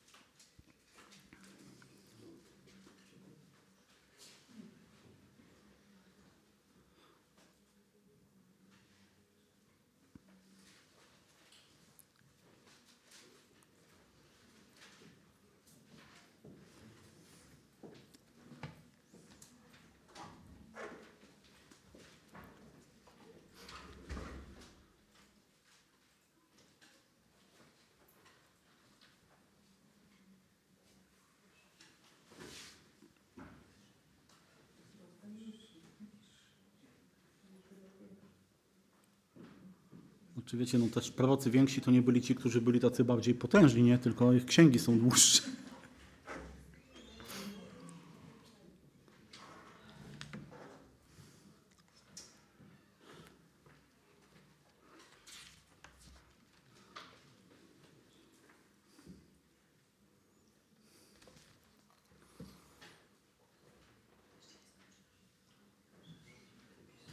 No dobrze, słuchajcie, no to też, też nie jest, to nie jest na stopień, ale mamy, jak powiedziałem, 16 ksiąg prorockich. Czterech proroków jest nazwanych prorokami większymi, tak? Dlatego właśnie, że ich księgi są takie bardziej obszerne. Y, Którzy to są? Izajasz, Jeremiasz, Ezechiel i Daniel. Chociaż księga Daniela jest tak troszeczkę i historyczna, i prorocka, tak? Ale pamiętacie, na samym początku czytaliśmy proroctwo z czyjej księgi? Księgi Daniela. Jest dwunastu proroków mniejszych. Oczywiście ich wy- wymienienie imion, imion wszystkich dwunastu zawsze nastręcza pewne kłopoty, ale ja, ja sobie zapisałem. ja mam zapisane. Y, Którzy prorocy byli posłani do Izraela? Jonasz, Amos, Ozeusz. Dokładnie, Jonasz, Amos i Ozeasz to byli ci trzej królowie, którzy byli posłani do Królestwa Północnego. No jeszcze do Królestwa Północnego był posłany zarówno Eliasz, którego księgi nie ma, i Elizeusz, tak? Do Królestwa Judy byli posłani prawie wszyscy inni pozostali, tak? Izajasz, Jeremiasz, ale Micheas, Sofoniasz, Nahum, Habakuk, Jerem, y, Abdiasz i Joel. No, prorok Jonasz był posłany do Królestwa Północnego, ale najbardziej go znamy z jego działalności gdzie? W Niniwie. Nie? Chociaż jest też o nim napisane, że przepowiedział pewne rzeczy, które się sprawdziły. No i dobrze, jest jeszcze trzech proroków, jest jeszcze pięciu proroków. Dwóch z nich pisało na wygnaniu, czyli Daniel i Ezechiel. Ezechiel był prorokiem, który swoje proroctwo, powołanie do, do służby otrzymał na wygnaniu. No i mamy też trzech proroków, którzy byli prorokami powygnaniowymi. To jest Ageusz, Zachariasz i Malachiasz. Oni pisali, kiedy e, nastąpił ten okres powrotu, którym się teraz zajmiemy. Zostawiliśmy Żydów w Babilonii. Na ile lat idą do Babilonu? na 70, dlatego że Pan powiedział tyle, ile sabatów zaniedbaliście, to na tyle lat będziecie y, w Babilonie. No z Babilonem kto nam się kojarzy najczęściej? Szadrach, Meszach i Abednego. I to jest ciekawe, słuchajcie, zawsze dla mnie, dlaczego pamiętamy ich imiona Rzymy te perskie, a nie pamiętamy tych Azariasz, Micheasz i ten trzeci. Bo są łatwiejsze. No i tak jakoś się przyjęło. Przede wszystkim mamy tam też historię Daniela, człowieka, który od właściwie niewolnika aż robi, że tak powiem, karierę. Oczywiście to jest Boże działanie do premiera tego kraju. Wiecie, i niewola babilońska była takim okresem czasu, w którym e, Żydzi, ci, którzy się tam znaleźli, mieli czas na przemyślenie. Wiecie, i oni doszli do wniosku, że y, muszą coś z tym, muszą coś zrobić, jeżeli nie chcą zasymilować się z innymi narodami. I to, co brat Romek zawsze powtarza, co sobie zapamiętałem tam u Ciebie, że okres nie, po niewoli babilońskiej Żydzi nigdy nie mieli problemu już z jedną rzeczą. Z bałwochwalstwem. Wiecie, w niewoli babilońskiej oni y, uświadomili sobie pierwszą rzecz, że jeżeli albo będą służyć Bogu, albo będą zasymilowani. I do, doszli do wniosku, że nie może być tak, że służą. Tak, słuchajcie, przed niewolą babilońską tak naprawdę każdy, każdy przeciętny Izraelita to szedł do świątyni, ale przy okazji sobie szedł do tej świątynki, na to wzgórze, tu spalił kadzi- kadzidło. Oni w niewoli babilońskiej uświadomili sobie, że tylko Bóg ma, ma być ich Bogiem. Drugą rzeczą, jaką e, jakby przyniosła niewola babilońska, było to, że oni, ponieważ zostali oddzieleni od świątyni, nie mogli składać ofiar, a jedyne, co mogli ze sobą zabrać, to były podręczniki szkolne, więc zaczęli tam wnikliwie studiować zakon. Niewola babilońska była takim okresem, kiedy Żydzi naprawdę zaczęli studiować Boże Słowo. Daniel, który pisze swoje proroctwo, co pisze, że kiedy sprawdzał pisma, to mu wyszło, że za tyle i tyle Pan Bóg powinien, chyba Daniel, jeśli dobrze pamiętam, że Pan Bóg, że Pan Bóg mu pokazał, kiedy on badał pisma, że za tyle i tyle lat powinna niewola się skończyć. Ezdrasz, to jest trzecia rzecz, powstała właśnie przez to badanie pism, powstała taka grupa ludzi, których my znamy jako pisarze, a w Nowym Testamencie jako uczeni w piśmie. To byli ludzie, którzy, że tak powiem, zawodowo zajmowali się studiowaniem Bożego Słowa. I z nich właśnie to byli ludzie, którzy, wiecie, tak bardzo byli y, zakochani w Bożym Słowie, tak bardzo cenili jego wartość, że w pewnym momencie zaczęli y, ograniczać to, co Boże Słowo mówi, zaczęli jeszcze dodatkowo obwarowywać pewnymi ustnymi tradycjami. Właśnie w Babilonie między innymi narodziła się taka tradycja, to co w Nowy Testament nazywa nauką starszych. No i czwarta rzecz, jaką oni mieli, y, jakby były skutkiem niewoli babilońskiej, było to, że aby się spotykać, nie mieli świątyni, do której mogli chodzić, więc w, a teren jakby Babilonu to była ogromna, ogromny, ogromny obszar, więc tam, gdzie byli, zaczynali tworzyć miejsca spotkań, które się nazywają synagogi.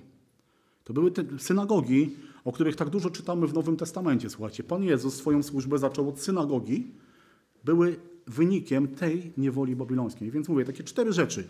Zerwanie z bałwochwalstwem, studiowanie wnikliwe zakonu, uczeni w piśmie i synagogi były tym, co oni, kiedy wyszli z niewoli babilońskiej, przynieśli ze sobą. Dobrze, powrót z niewo- kolejny okres, powrót z niewoli, odbudowa świątyni. Pamię... y, Dobrze, Księga Izajasza 44, 28.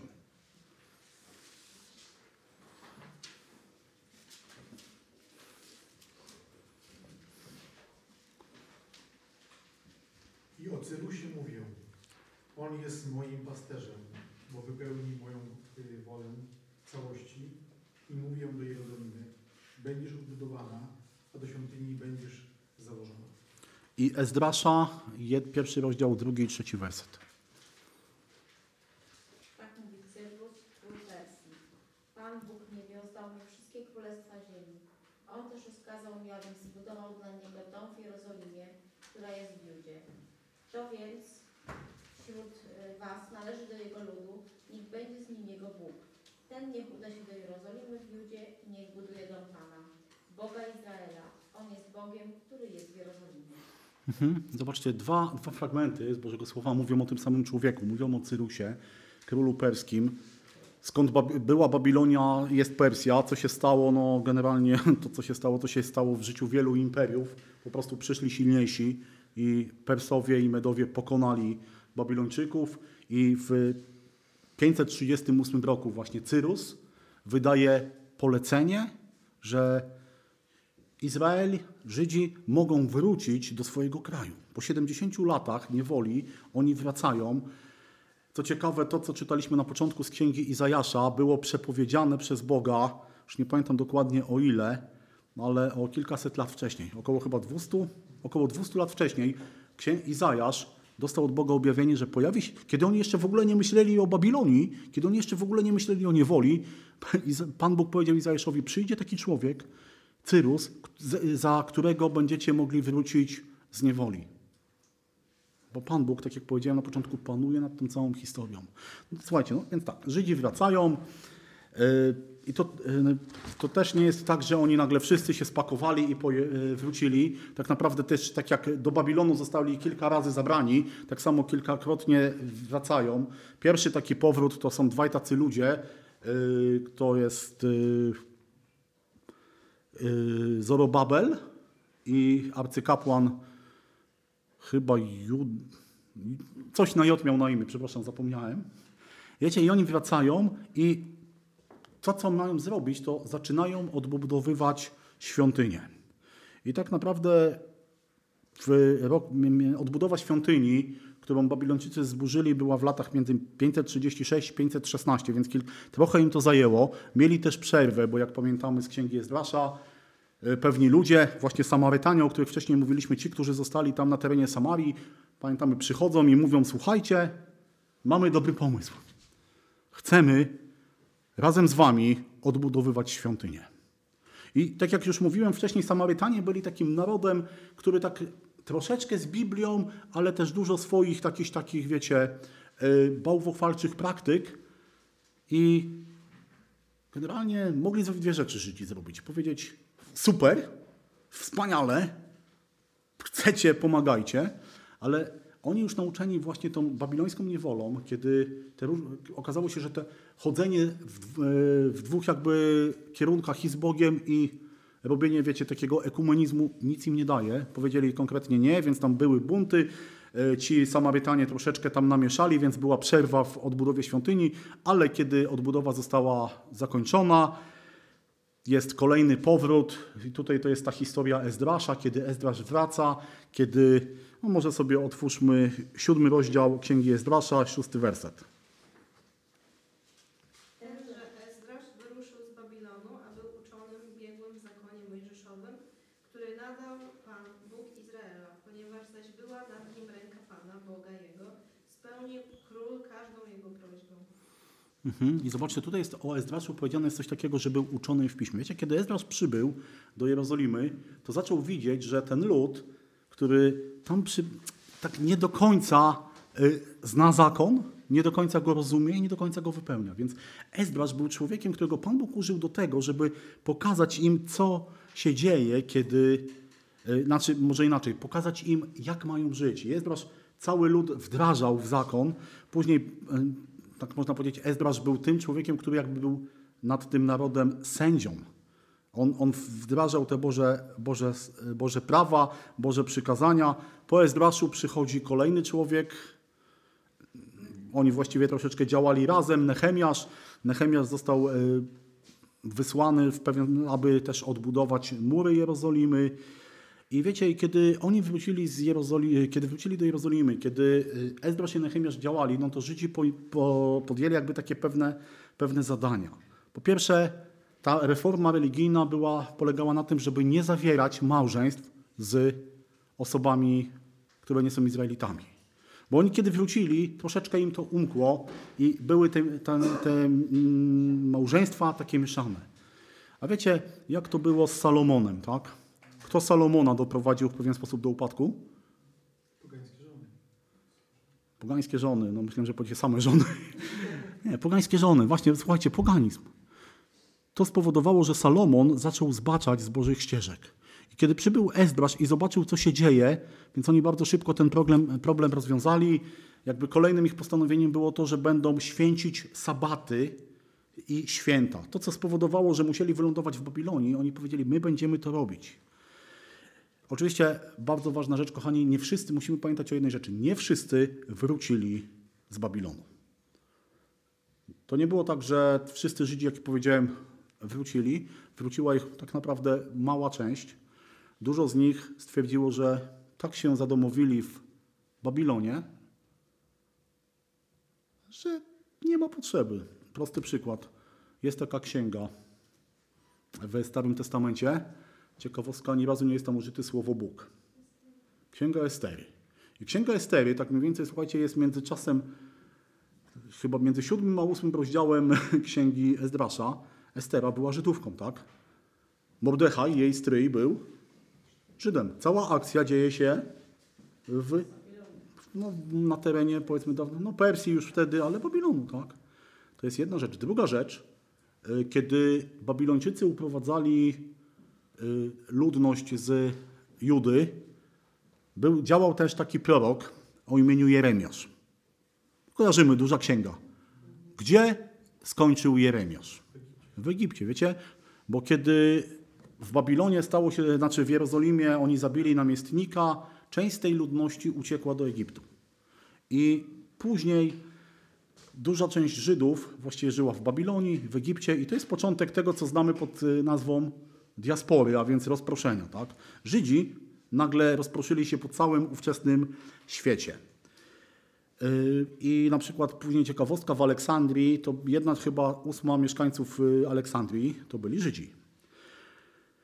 I ten okres to jest też okres, tak jak powiedziałem, działania proroków i chciałbym, żebyśmy sobie przeczytali Księga Malachiasza, trzeci rozdział, pierwszy werset. To jest ostatni prorok Starego Testamentu i on napisał ostatnią księgę i można, chciałbym, żebyśmy sobie przeczytali, co...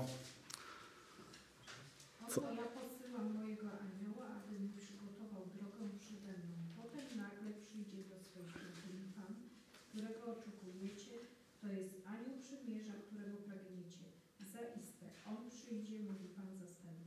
Mhm. Ostatni prorok, można powiedzieć, jedno z ostatnich proroctw, kogo, za, kogo zapowiada?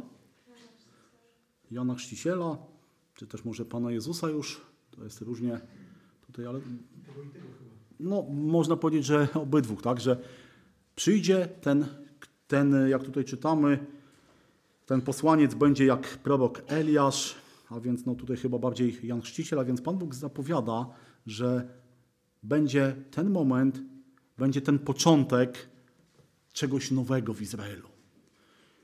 No i właśnie tutaj zaczyna się ten, to tyle tytułem wstępu, teraz zaczynamy główny, główny główny nasz temat. Słuchajcie, do, doszliśmy do momentu, Pan Bóg dał nam dość, jeszcze, jeszcze żyjemy, jeszcze widzę, patrzycie na mnie z uwagą, na zegarek te.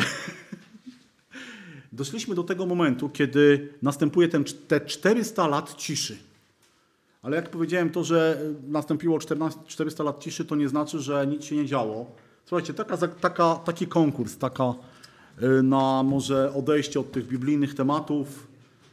Y, Mamy rok 2022. Odjąć 400 to jest 1622. To słuchajcie, mam takie pytanie. No, Maciek, pytanie do ciebie, bo się spóźniłeś, więc musisz nadrobić. Ale też do was. Słuchajcie, 1622, 2022, 400 lat. Żeby już tam, nie wiem, nie iść w jakąś tam historię świata i tak dalej, historia Polski. Co zdarzyło się w Polsce od 1622 roku do 2022? Oto. Potop. Poczekajcie, ale nie wszyscy naraz. Dwie wojny, Konstytucja, Komunizm. Komunizm, rewolucja przemysłowa. Polski Ład, COVID, kapitalizm. Co jeszcze? Maciek, zawsze byłeś dobry w historii, mówiłeś, że miałeś piątkę. Co się zdarzyło w Polsce od 1622 roku? Od 622 do 2022. Mamy tyle czasu? Lekcje jakieś. Powiedz mi, Pan Jezus Chrystus mnie zbawił. No, nie wiem, jakie to ma znaczenie jakby dla całej Polski, ale chwała Bogu, że Pan Jezus Cię zbawił. I wspaniale. Kiedyś się dowiemy. Ja, No, cza- czasem, wiecie, Boży plan jest dobry. Ale dobrze, słuchajcie, wymieniliście bardzo dużo rzeczy. No ja sobie też wynotowałem pewne rzeczy, ale generalnie to, wiecie, sobie wynotowałem coś takiego, że przez ten, przez ten czas walczyliśmy z Rosjanami, z Niemcami, Szwedami, Turkami, Tatarami, Prusakami, Austriakami, jeszcze pewnie parę nacji zapomniałem. Przeżyliśmy trzy rozbiory. Dwie, dwie, mieliśmy dwie światowe wojny. Przerżnęliśmy trzy powstania. Traciliśmy 123 lata, nie było nas na mapie. Warszawskiego nie liczę, nie? Styczniowe, listopadowe, kościuszkowskie. No ale później jeszcze więcej. No ale takie trzy główne, no wiecie, takich pomniejszych, chyba z wszystkich powstań to się nam udało jedno wygrać. Ale zobaczcie, trzy, traciliśmy, słuchajcie, traciliśmy niepodległość, odzyskiwaliśmy niepodległość, co więcej, zmieniały się ustroje, tak, mieliśmy komunizm jedynie słuszny, kapitalizm, zmieniały się y, statusy społeczne. W 1622 była szlachta, byli chłopi, dzisiaj tego nie ma. Słuchajcie, nawet bohaterowie się zmieniali. Jeszcze ja całkiem niedawno się pamiętam, znaczy całkiem niedawno, że się uczyłem o tym, jak to bohaterzy byli zupełnie inni niż dzisiaj. Mamy dzisiaj na przykład żo- żołnierzy wyklętych, bohaterów. Jeszcze 20-30 lat temu to byli bandyci i zbrodniarze. Zobaczcie, jak wiele się zmieniło w historii Polski, tak samo wiele zmieniło się odnośnie tego, co się działo na ziemiach biblijnych, na tych, na tych rzeczach, które nas interesują. I właśnie, tak jak powiedziałem, wkraczamy teraz w ten moment, kiedy wchodzimy na ten most. Zostawiamy Stary Testament i patrzymy, chcieli, chcę, żebyśmy sobie spojrzeli, jak to wyglądało, takie tło historyczne, aż od powrotu z niewoli do przyjścia Pana Jezusa. I też jest kilka, kilka takich y, okresów historycznych, na które chciałbym spojrzeć. Pierwszy okres to okres perski. Pamiętamy, Żydzi wracają z Jerozolimy, są, co się dzieje, nagle nie są oddzielnym państwem, tak? Cyrus powiedział, możecie wrócić, ale Cyrus nie powiedział, a potem wbijcie pale graniczne i wy będziecie sobie mieszkali tu, ja będę tu, nie? Cyrus powiedział, możecie wrócić, ale Jerozolima, Judea, Izrael, jakbyśmy to nie nazwali, było częścią prowincji perskiej. I wiecie, i tak naprawdę to były, mam tutaj niby takie daty, one są takie troszeczkę graniczne, od do 336 roku przed naszą erą y, ziemie Izraela były prowincją perską. I Persowie generalnie nie ingerowali zbytnio w to, co się dzieje. Mało wiemy o tym okresie. Wiemy tylko, że, że arcykapłan był tam tym, który no, dbał o lud, opiekował się i odpowiadał za Judę przed y, perskim namiestnikiem. Taki okres bardzo łagodny, że tak powiem. Właściwie wiecie, taka nuda, nic się nie działo, od czasu do czasu pewnie jakiś kataklizm, jakaś klęska, ale generalnie taki okres bardzo pomyślny. Kolejny okres to okres, który tutaj jest zapisany jako grecki albo aleksandryjski. Otóż w Macedonii pojawił się pewien człowiek o imieniu wdzięcznym Aleksander. Przez historię został nazwany Wielkim. I cóż ten Aleksander zrobił takiego? Można powiedzieć, był to jeden z pierwszych zdobywców świata. Tak? Aleksander zaczął marzyć o wielkim imperium. No i oczywiście jakby pierwszą przeszkodą, na którą napotkał, to była Persja. A więc Aleksander Macedoński, Aleksander Wielki rozpoczyna wojnę z Persją, pokonuje króla y, Dariusza III, pokonuje y, ten, całą Persję, wchodzi do Persji Oczywiście, jak Ju- Judea była częścią Persji, więc też musiał się zainteresować Persją. Jest taka ciekawa historia, że kiedy Aleksander Macedoński wyprawiał się przeciwko takim miastom Tyr i Sydon, przyszedł pod Jerozolimę i chciał, żeby arcykapłan złożył mu przysięgę wierności. Taką, jaką złożył e, królowi perskiemu. I arcykapłan powiedział mu takie zdania: Słuchaj, y, złożyłem przysięgę królowi Persów, nie mogę złożyć tobie. I Aleksander wtedy troszeczkę się zdenerwował i powiedział: Jak będę wracał, to zobaczysz, komu będziesz, komu powinieneś składać przysięgę.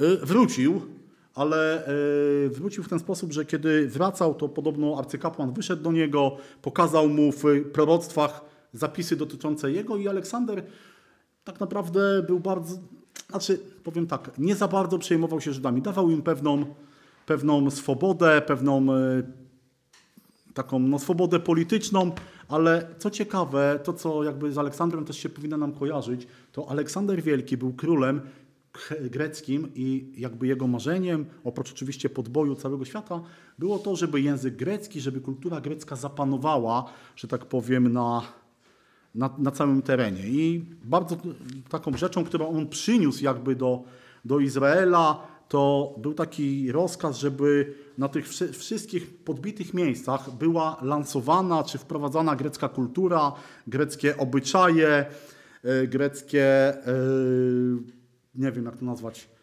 zwyczaje, obyczaje, kultura, sposób myślenia, filozofia i to, ten okres nazywamy helenizacją i tak naprawdę ta helenizacja zapoczątkowana przez niego przyniosła bardzo duże konsekwencje, skutki y, w późniejszych dziejach nie tylko Izraela, ale generalnie świata. Do dzisiaj, słuchajcie, czerpiemy, jak nawet w dzisiejszych czasach, z założeń tej greckiej kultury. Ale Aleksander żył bardzo krótko, ponieważ w 323 roku on zmarł. Co się stało z jego imperium? Pamiętacie księgę Daniela, którą cytowaliśmy na początku? Weźmy ją, otwórzmy jeszcze raz. Jedenasty rozdział. Trzeci werset przeczytajmy. Powstanie bohaterski król i będzie miał wielką władzę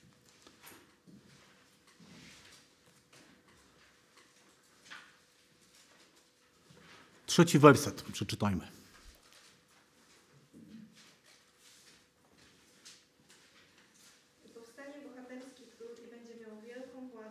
czynił co zechce. Dobra. Powstanie wielki król. Wcześniej czytaliśmy, że będzie jeszcze tam trzech władców Persji i tak było. Później, później powstaje wielki król. To jest właśnie Aleksander. I czyta, czwarty werset. A gdy powstanie, rozpadnie się jego królestwo i będzie rozdzielone między cztery strony świata. Dobra, do tego momentu. Kiedy Aleksander umiera, jego państwo, jego imperium zostaje podzielone na ile części? Na cztery. Dobra, dalej. Lecz nie między jego potomków. Dobra, starczy do tego momentu. Nie między jego potomków. Wiecie, królestwo Aleksandra zostało podzielone pomiędzy czterech jego generałów. Żaden z nich nie był jego potomkiem. Tak? Żaden z tych generałów, z tych władców nie był y, synem Aleksandra.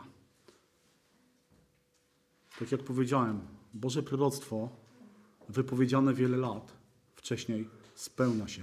I dalej, jakbyśmy sobie, jak kiedyś może Pan Bóg pozwoli, albo wy będziecie mieli czas, przeczytajcie sobie całą ten rozdział, te proroctwo księgi, z księgi Daniela, bo wiecie, ono dalej mówi też o tych czasach, które, które następują, aż właściwie do momentu pojawienia się Imperium Rzymskiego.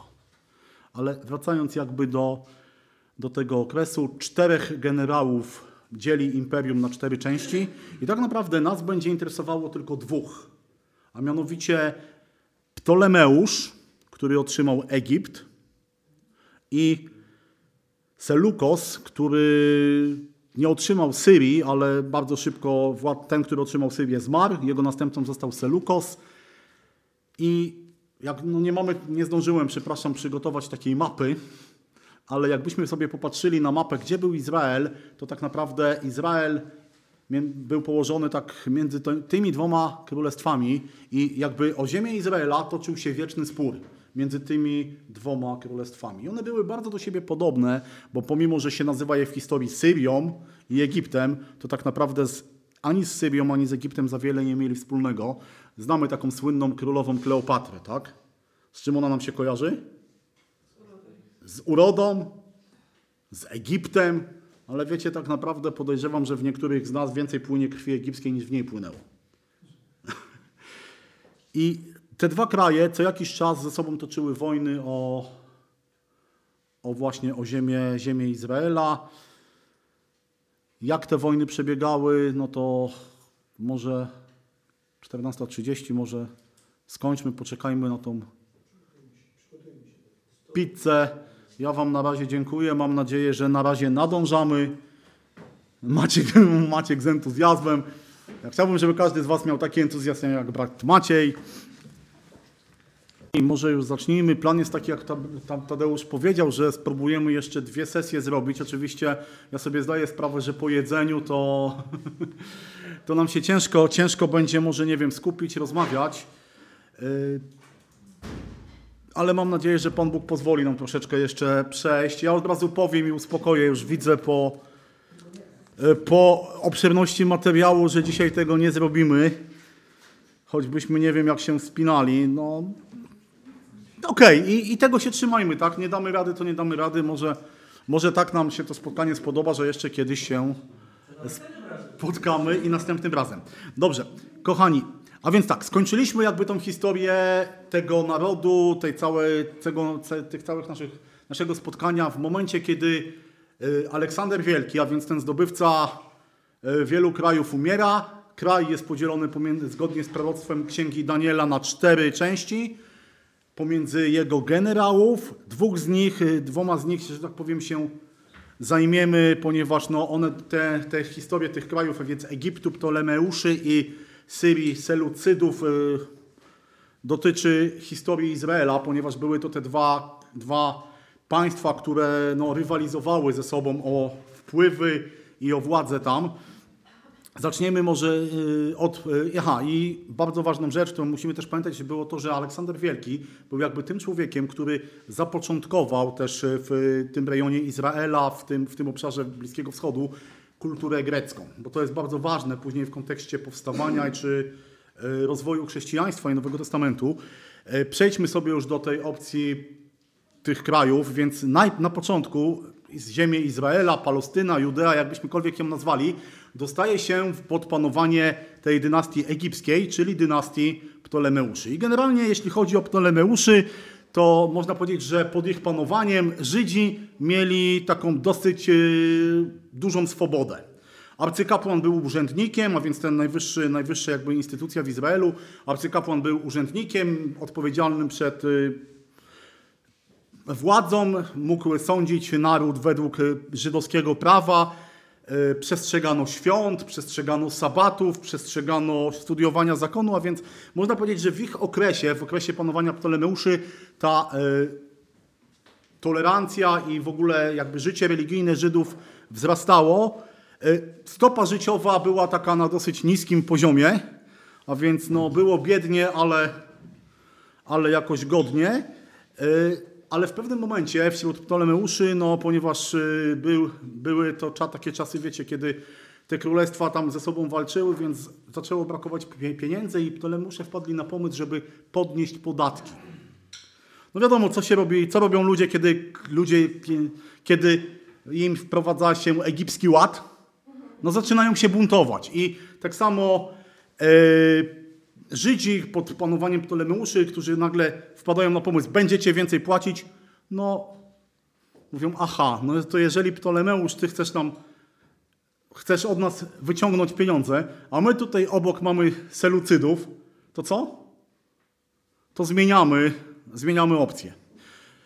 I po tam około 200 roku przed naszą erą Selucydzi zostają władcami nad tą ziemią, ziemią Izraela, ale nim przejdziemy do Selucydów, taka bardzo ważna rzecz, która się wydarzyła w zapanowania Ptolemeuszy, która też ma wpływ właśnie na Żydów, na chrześcijaństwo i na nas. Otóż jeden z władców ptolemejskich, który się nazywał Ptolemeusz II, yy, wpadł na pomysł założenia wielkiej biblioteki. A ponieważ wiedział, że Żydzi mają swoją, swoją yy, spisaną historię swojego narodu, więc wpadł na pomysł, że dobrze by było, żeby ta księga, pisana po hebrajsku, znalazła się w jego bibliotece w języku popularnie dostępnym w tym czasie, czyli Grece. I według y, historii on zaprosił 70 starszych, chyba tam po sześciu z każdego plemienia, y, plemiona izraelskiego, żeby przetłumaczyli y, żydowską, no, żydowską księgę, tak, czyli przetłumaczyli Torę. I według y, historii po 70 dniach Tora została przetłumaczona. Kiedy porównano ją, to tutaj mam taką informację, że e, kiedy po 70 dniach porównano, wówczas okazało się, że poszczególne teksty tłumaczenia są identyczne. Nie wiem, na ile to jest prawda, na ile to jest zapis, ale w każdym bądź razie za czasów Ptolemeusza II Grec, e, pięcioksiąg młodzieżo- e, młodzieżowy, mojżeszowy został przełożony na język grecki, a więc, y, a później stopniowo kolejne księgi zostały prze, y, przełożone i około 150 roku przed narodzeniem Pana Jezusa powstała już jakby w całości grecka Biblia zwana Septuagintą. I co ciekawe, na początku Septuaginta była przyjęta z wielkim entuzjazmem wśród y, Żydów żyjących w diasporze, dlatego że w końcu mieli Pismo Święte przełożone na język, który rozumieli. Ponieważ wielu Żydów w diasporze żyjących nie posługiwało się już językiem hebrajskim czy językiem aramejskim. I podobno były takie sytuacje, że e, w synagogach, kiedy czytano hebrajski tekst, musiano go tłumaczyć na grekę. Co ciekawe, yy, tak jak powiedziałem, było przyjęta z entuzjazmem, z radością, ale po pewnym czasie yy, Talmud, czyli ta żydowska księga, nie wiem jak ją nazwać, mądrościowa, przyrównuje, przyrównuje powstanie Septuaginty do dnia, w którym wzniesiono złotego cielca. Dlaczego? Ponieważ Septuaginta stała się Biblią Kościoła. Ponieważ Septuaginta stała się podstawą e, tego. Większość cytatów z Nowego Testamentu, jakie mamy w Starym Testamencie, jest Septuaginty. Ale jakby nie patrzeć, no tutaj Septuaginta była e, też, e, tak jak mówiłem na, na początku, że Pan Bóg to wszystko planował, więc powstanie tej księgi w języku greckim było Bożym planem. Ale dobra, to taka, taka dygresja bardzo ważna, a teraz wracamy do Selucydów, a więc, e, tak jak powiedziałem, Żydzi zmieniają front, przychodzą Selucydzi, władcy Syrii, tak naprawdę niewiele się zmieniło, bo i jedni i drudzy byli helenistami i propagowali y, heleńską kulturę i zwyczaje, ale o okresie Selucydów czy ktoś napisał, że tak, okres, w którym Izrael przechodził doliną cienia śmierci. Otóż Selucydzi, a zwłaszcza jeden z ich władców o takim imieniu Antioch Epifanes, nie wiem czy słyszeliście, być może być może tak, bo to taka dosyć znana postać historyczna. Otóż Antioch Epiphanes, czyli boski, taki miał przydomek. Podobno poddani bardzo, bardzo szybko przełożyli to na Eimanes, czyli pomylony. I ten władca postawił sobie za cel, że w całym jego kraju, w całym jego państwie będą panowały greckie zwyczaje, heleńska kultura, yy, heleńskie obyczaje i cokolwiek innego byśmy sobie wymyślili. I wiecie, i jakby na pozostałych obszarach jego kraju nie było z tym problemu, natomiast y, w Żydzi byli zupełnymi, zupełnie nieprzygotowani, że tak powiem, na przyjęcie tych rzeczy. Ale y, jeden z, z ludzi, jeden z Żydów y, doszedł do takiego porozumienia i powiedział, wpadli na taki układ, że on zostanie arcykapłanem, dzięki te, ale w zamian on wprowadzi greckie zwyczaje w Jerozolimie.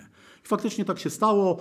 E, W pewnym momencie w, w Jerozolimie wybudowano gimnazjon, zaczęto uprawiać tam greckie sporty. E, Żydzi pisali z oburzeniem, że niektórzy kapłani zamiast służyć w świątyni biegali e, do, do gimnazjonu i uprawiali gimnastykę. E, Było coś, ponieważ tam no, występowano, że tak powiem, w stroju adamowym, więc Żydzi wstydząc się nawet obrzezania, nawet robili sobie operacje, żeby te rzeczy ukryć. E, No oczywiście spowodowało, wiecie, no, kiedy, kiedy coś takiego się dzieje, no to były spory. Antioch jeszcze bardzo, że tak powiem, dociskał śrubę, bo w pewnym momencie y, postanowił, że y, w ogóle wyeliminuje judaizm. I robił wszystko, żeby tak naprawdę Żydzi przestali być Żydami. W roku 60, 168 przed naszą erą zrobił coś takiego, że do świątyni w Jerozolimie, a więc do tego miejsca, gdzie Bogu miano oddawać chwałę, wprowadził posąg Zeusa Olimpijskiego. Co więcej, złożono na ołtarzu złożono ofiarę z, z maciory, dokładnie, ze świni. Prócz tego w całym, na, na terenie całego kraju zakazano za, wydano zakaz praktykowania judaizmu, nie wolno było czytać Tory, nie wolno było jej posiadać. E, Zamyka, e, zakazano obrzeski, zakazano żydowskich zwyczajów i e, kazano w każdym mieście, w, każdej wiosce był obowiązek, żeby ci ludzie, którzy tam mieszkają, którzy tam żyją, aby składali ofiary pogańskim bogom. Oczywiście Wielu Żydów nie miało nic przeciwko temu, bo znowu ten okres, tak jak powiedziałem, helenizacji i kultury greckiej wpłynął na to, że im było wszystko jedno. Natomiast no, wśród wielu, wielu ludzi nastąpił sprzeciw i nastąpił bunt, który po jakimś czasie przerodził się w otwartą wojnę. Jeszcze troszeczkę no, odnośnie tej g- greckiej kultury. Tak jak powiedziałem wcześniej, no, Aleksander Wielki bardzo ją promował. I ten proces helenizacji też właśnie na terenie Izraela, na terenie Palestyny bardzo szybko przebiegał. I generalnie w całym świecie, tak jak już wcześniej mówiliśmy, ta kultura grecka, filozofia i tak dalej, i tak dalej wywarła, wywarła wielki wpływ. Nawet nie wiem, czy wiecie, jest taka ciekawostka, że Nowy Testament, przynajmniej w trzech miejscach, cytuje greckich poetów. Pamiętacie gdzie? List do Tytusa, y, pierwszy rozdział, dwunasty werset, jakby ktoś y, przeczytał.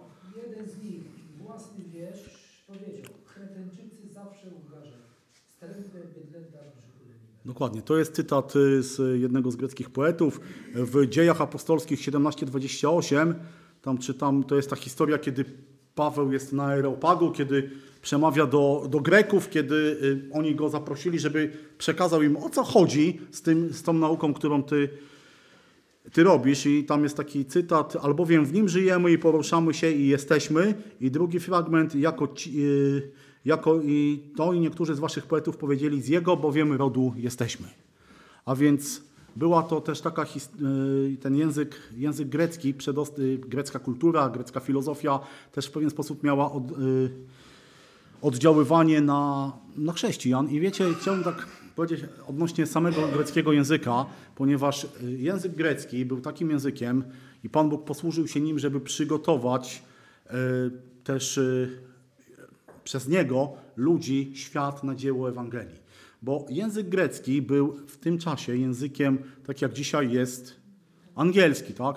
Tak naprawdę w całym imperium, gdziekolwiek się poszło, gdziekolwiek się było, to można było porozumieć się po grecku. No właśnie, taka ciekawostka. Apostoł Paweł był Żydem, tak? Rzym, yy, zbór w Rzymie był zborem w Rzymie, tak? Po jakiemu mówiono w Rzymie? Po włosku, bardziej po łacinie. Ale zobaczcie, Paweł pisze do kościoła w Rzymie po jakiemu? Po grecku. Co więcej, jeden z cesarzy rzymskich, Marek Aureliusz, który był też w pewien sposób filozofem, poetą, pisarzem, pisze swoje medytacje po, po grecku. Język grecki stał się ogólnie dostępny, powszechny. Wiecie, to był taki język, w którym prowadzono korespondencję, y, prowadzono listy, ale był też y, językiem życia codziennego, powszechnego i język grecki był tym, co Pan Bóg przygotował na to, żeby y, dzieło Ewangelii, dzieło i o Panu Jezusie Chrystusie, historia Pana Jezusa Chrystusa dotarła do całego świata. Zobaczcie, na jaki język przetłumaczono Stary Testament? Na grecki, tak? Nowy Testament powstał w jakim języku? W greckim. Wiecie, język grecki był też takim językiem, który jest niesamowicie precyzyjny. Greka jest bardzo precyzyjnym językiem. Powiem tak, no, słowo, taki przykład, słowo miłość dla nas. Co może o- oznaczać? Wszystko. Tak naprawdę słowo miłość dzisiaj ma spektrum bardzo szerokie w języku polskim spektrum znaczenia. W Grece, kiedy Grek mówił miłość, to mógł użyć czterech czy nawet pięciu określeń, które dokładnie precyzowały, o jaki rodzaj miłości mu chodzi. Wiecie, i to też było takim Bożym działaniem, tak, że Pan Bóg napisał, chciał, żeby ten Nowy Testament był spisany w Grece, w języku precyzyjnym, żeby nie było możliwości szerokiego interpretowania. Dzisiaj mamy problemy czasem z interpretacją jakiegoś fragmentu, bo ja go rozumiem tak, ja go rozumiem tak, a ten brat tam z, końca rozumie to jeszcze inaczej. Ale w języku greckim nie można było sobie stwierdzić, możemy to roz, rozumieć dwojako, trojako, czwororako. Nie. Kiedy jest napisane słowo miłość agape, to wiadomo, że chodzi o ten jeden szczególny rodzaj miłości. Kiedy chodzi o język grecki, nie trzeba było tłumaczeń, więc tak naprawdę, kiedy apostoł Paweł docierał do jak każdego zakątku Imperium Rzymskiego, to mógł swoją, mógł Ewangelię głosić taką, jaką ona była. Kiedy wiadomo, kiedy się tłumaczy z jakiegoś języka na inny, zawsze istnieje możliwość, że zostanie to inaczej zinterpretowane. Greka na to nie pozwalała. To też yy, myślę, że to jest taki, taka rzecz, za którą naprawdę możemy być Bogu wdzięczni, że On tak zadbał o to, żeby Biblia, zarówno Stary, jak i Nowy Testament dotarły do nas w takiej formie. Dobrze, wracamy do historii. Mamy czasy, mamy czasy Antiocha, prześladowanie judaizmu. I tak jak powiedziałem, kiedy, ten, kiedy te prześladowania się wzmagają, to w części społeczeństwa powstaje opór, powstaje bunt. To jest normalne, tak? I jakbyście sobie w tych swoich skryptach gdzieś tam na końcu macie taką chyba ostatnią kartkę, macie tam taką taki rodowód, taką tabelkę, taki wykres, takie drzewo genealogiczne. Chyba jeszcze nie to, no to jeszcze jedno, chyba jeszcze jedna kartka, tak patrzę u Moniki. Je, jeszcze dalej. O! Nie w tą stronę. No, na końcu, na końcu. Jeszcze dalej? Aha, to sorry, to się zgłoś, to, czyli nie wszędzie jest dane. Dobrze, ale ci, którzy mają, mają tam e, taką, taką, e, taką listę, taką, takie drzewo genealogiczne takiego rodu Machabeuszy. Kim byli Machabeusze? E, jakby przywódca tego rodu miał na imię Matatiasz i był kapłanem.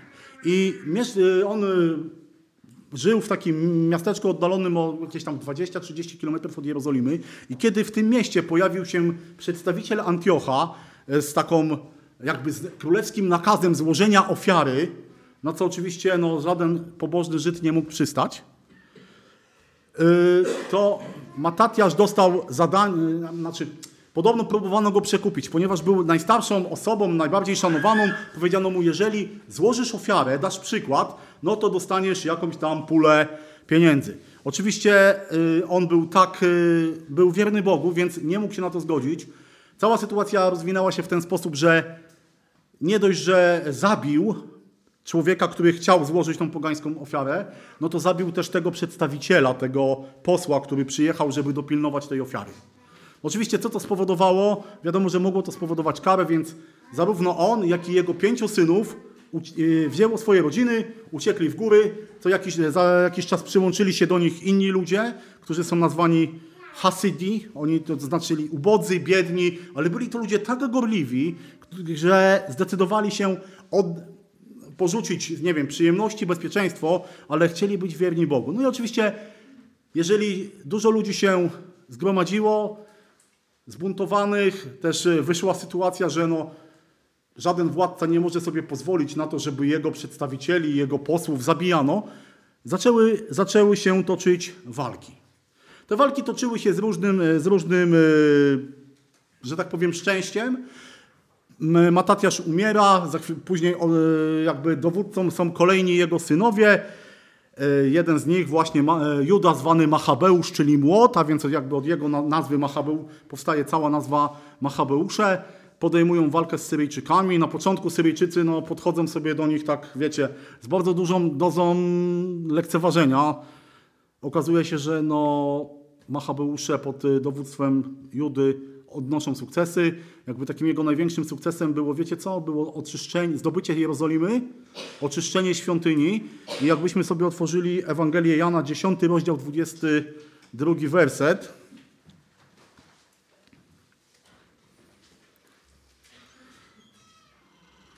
Jakby ktoś mógł przeczytać. Mhm. Mamy tutaj y, opisane pewne święto. Jak wiemy, święta w Starym Testamencie, Pan Bóg nakazał pewne dni jako świąteczne. Natomiast pytanie, o jakie święto chodzi w tym fragmencie? Wiecie, to nie było żadne ze świąt nakazane Bogu przez Boga w Starym Testamencie.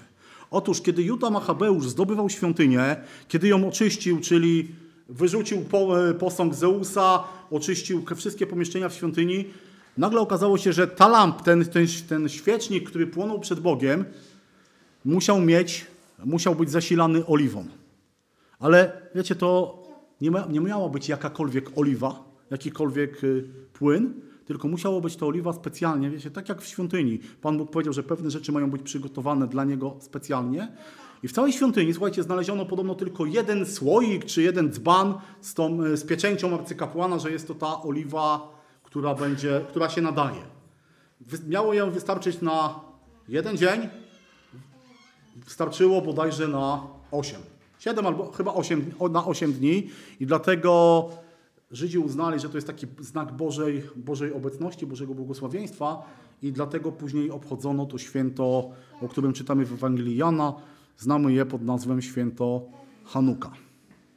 Wracając do, e, do Machabeuszy, no Juda Machabeusz ginie, później przychodzi kolejny jego, jego brat. y, Walki z Syryjczykami toczą się dosyć długo, aż do pewnego momentu, kiedy jeden z właśnie synów y, z tych Machabeuszy porozumiewa się z pretendentem do syryjskiego tronu. Wiecie, to była taka sytuacja, że Syryjczykom też nie było na rękę, że mają gdzieś tam jakieś problemy z Żydami. Więc ci dwaj ludzie porozumieli się. Judea dostaje, że tak powiem, swoją pewną e, niepodległość, pewną swobodę. Mogą wyznawać judaizm, nie muszą płacić podatków, stają się jakby autonomiczni, ale też e, wszyscy wiedzą, że ta sytuacja nie potrwa długo. I te, toczyły się różne walki. W pewnym momencie e, jeden z to już właściwie kolejne, kolejne pokolenie. Jak macie tą tabelę, to jest tam taki człowiek, który się nazywa Jan Hirkian, pierwszy, bo było dwóch Janów Hirkianów. I to był taki człowiek, którego pan, który wykorzystał to, że w Syrii też dzieją się różne zamieszki i tak dalej, i tak dalej. I on, y, można powiedzieć, us- usamodzielnił się, zupełnie zerwał swoje jakieś tam zależności od Syrii, wykorzystał ich słabość, podbija e, kolejne tereny, mi- między innymi Samaria i Idumea zostaje przez niego podbita. O tyle jest to ważne, słuchajcie, że z Idumei wywodzi się później król Herod. On był Idumejczykiem i jeżeli chodzi dalej o Hirkiana, no to on przygarnia dla siebie dwa tytuły. Tytuł arcykapłana i tytuł króla. I od tego momentu możemy mówić o tym, że Izrael, Judea odzyskała na pewien czas niepodległość. Nie byli, to był po raz pierwszy od czasu uprowadzenia do Babilonu okres, w którym oni mogli powiedzieć o sobie, że są niezależnym, wolnym narodem pod panowaniem właśnie Machabeuszy, pod panowaniem e, tej dynastii. Oczywiście, wiecie, jeżeli nie ma wroga na zewnątrz, to zaczynają się gdzie problemy? W środku. I tak samo było z tą rodziną. Ponieważ nie było wroga na zewnątrz, to potomkowie Hirkiana zaczęli też, można powiedzieć, gryźć się między sobą o tytuły. A wiecie, że jeżeli jest niezgoda w domu, to bardzo szybko pojawia się ktoś, kto tą zgodę będzie chciał wprowadzić. I jakby w tą całą sytuację tych walk wewnętrznych, o to, kto ma być arcykapłanem, kto ma rządzić, wkraczają Rzymianie. W 63 roku właśnie Pompejusz wkracza do Jerozolimy, bezcześci świątynię, rabuje jej skarbiec i decyduje, że jeden z tych braci, którzy walczą o tą władzę, właśnie będzie arcykapłanem, ale cała Judea dostaje się pod panowanie już, że tak powiem, pod czujne oko rzymskich namiestników. I w tym, samym, w tym czasie, kiedy właśnie Rzymianie wchodzą do Jerozolimy, y, na y, znaczenie zyskuje Herod, a właściwie jego ojciec, który swoich synów, między innymi właśnie Heroda, czyni prefektem, czyli takim zwierzchnikiem Judei. I Herod jest y, jednym z tych ludzi, którzy no, później wywierają tak wielki wpływ na Nowy Testament, na życie Pana Jezusa. Herod też żeni się, słuchajcie, z córką jednego właśnie z Machabeuszy. Mari, y, ona miała na imię Marinamę, taka kobieta, która w pewien sposób, y, jakby to powiedzieć, y, uprawomocniła Heroda jako króla nad Judeą. Jak sobie też powiedzieliśmy, nie wiem czy pamiętacie, na samym początku ten okres tych tych 400 lat ciszy był takim okresem, w którym nie powstało co? Nie powstała żadna księga, która jest, którą e, była natchniona przez Boga. No i taka ciekawostka, no ale przecież mamy, w, na przykład w Biblii Tysiąclecia, mamy kilka ksiąg, które e, są uznane za natchnione. Więc jak to jest? Czy powstawały, czy nie powstawały jakieś księgi? O- Oczywiście żadne księgi natchnione, które, tak jak powiedziałem, Żydzi uważali za natchnione, w tym czasie nie powstały. Aczkolwiek to, wiecie, nie oznacza, że przez te 400 lat nikt nic niczego mądrego i ciekawego nie napisał. Oczywiście powstaje wiele ksiąg mówiących y, o, o Bogu, poruszające temat Boga, ale tak jak powiedziałem, te księgi nie były uznane przez Żydów za natchnione, aczkolwiek były uznane za księgi pożyteczne do czytania. I dlaczego w, na przykład w Biblii Tysiąclecia mamy takie księgi jak Księga Machabejska, Księga Tobiasza, Księga Syracha i jeszcze kilka innych? Żydzi, tak jak mówiłem, nie uznawali ich za księgi święte, ale Kościół katolicki włączył je do kanonu Starego Testamentu na Soborze w Trydencie. Jest to o tyle ciekawe, dlaczego, dlaczego zostały włączone. Pozwólcie, że przeczytam Wam kilka cytatów z tych ksiąg, to może sami dojdziemy do tego, dlaczego zostały włączone do kanonu Kościoła katolickiego. Jedna z tych ksiąg, Księga Tobiasza, i tam są takie słowa. Wtedy powiedział mu znowu anioł. No, za, zaczyna się dobrze, tak? Anioł wiele razy przemawiał do różnych ludzi. Ro, rozpłataj tę rybę i wyjmij z niej żółć, serce i wątrobę i zostaw je przy sobie, a wnętrzności odrzuć. Żółć bowiem, serce i wątroba jej są pożytecznym lekarstwem, a młodzieniec zapytał anioła i rzekł mu, bracie Azariaszu, co, to, co za lekarstwo jest w sercu, w wątrobie i w żółci ryby? A ten mu odpowiedział, serce i wątrobę ryby spal przed mężczyzną lub kobietą, których opanował demon lub zły duch, a zniknie opętanie i już nigdy nie zwiąże się z nim. Można powiedzieć, czary i magia były w tych, są, jest, są w tej księdze. Co Pan Bóg powiedział o czarach i magii? Są obrzydliwością. Inny cytat. Też z księgi Tobiasza i z księgi Syracha. Jałmużna uwalnia od śmierci i oczyszcza z każdego grzechu. Ci, którzy dają jałmużnę, nasyceni będą życiem. Podobny księga y, z mądrości Syracha. Woda gasi płonący ogień, a jałmużna gładzi grzechy. Co gładzi grzechy? Nie, krew Jezusa Chrystusa. Inna, inny fragment, Księga Machabejska. Żołnierze Judy przyszli zabrać ciała tych, którzy polegli i pochować razem z krewnymi w rodzinnych grobach. Pod chitonem, czyli pod pancerzem, u każdego ze zmarłych znaleźli przedmioty poświęcone bóstwom, chociaż prawo tego Żydom zakazuje. Dla wszystkich więc stało się jasne, że oni to i z tej właśnie przyczyny zginęli. Wszyscy zaś wychwalali Pana, sprawiedliwego sędziego, który rzeczy ukryte czyni jawnymi, a potem oddali się modlitwie i błagali, aby popełniony grzech został cał- całkowicie wymazany. Uczyniwszy zaś składkę pomiędzy ludźmi, posłał do Jerozolimy około dwóch tysięcy srebrnych drachm, aby złożono ofiarę za grzechy. Bardzo pięknie i szlachetnie uczynił, myślał, bo, myślał bowiem o zmartwychwstaniu. Gdyby bowiem nie był przekonany, że ci zabici zmartwychwstaną, to modlitwa za zmarłych byłaby czymś zbędnym i niedorzecznym. Dlatego właśnie sprawił, że złożono ofiarę przebłagania za zabitych, aby zostali uwolnieni od grzechu. Zobaczcie, Trzy rzeczy były, to, i to jest tylko kilka z tych rzeczy, które znajdują się w tych księgach, które Kościół katolicki uznał, a więc czary i magia, zbawienie za jałmużnę i modlitwa za zmarłych. Dlaczego te księgi zostały dodane? Bardzo prosto. One zo- zostały dodane na soborze w Trydencie, który wiecie czym się zajmował? Kasą. Nie! Nie, wszyscy, nie zawsze chodzi o kasę. Troszeczkę wcześniej w Niemczech wystąpił pewien człowiek. Nazywał się Marcin Luther. I zarzucał Kościołowi praktyki, które nie są biblijne. Więc aby w pewien sposób uprawomocnić, uwiarygodnić to, że można zbierać odpusty, że można modlić się o zmarłych i jeszcze parę innych rzeczy, dodano te księgi, aby pokazać, ale jak to? Przecież Biblia mówi o tym wyraźnie. Żaden Żyd nigdy, przenigdy nie nazwał żadnej z tych ksiąg, z których są cytaty, księgą natchnioną. Co ciekawe, słuchajcie, w Nowym Testamencie znajdują się cytaty z ksiąg apokryficznych. W liście Judy, ktoś może otworzy pierwszy rozdział listu do Judy, zresztą jedyny, dziewiąty werset.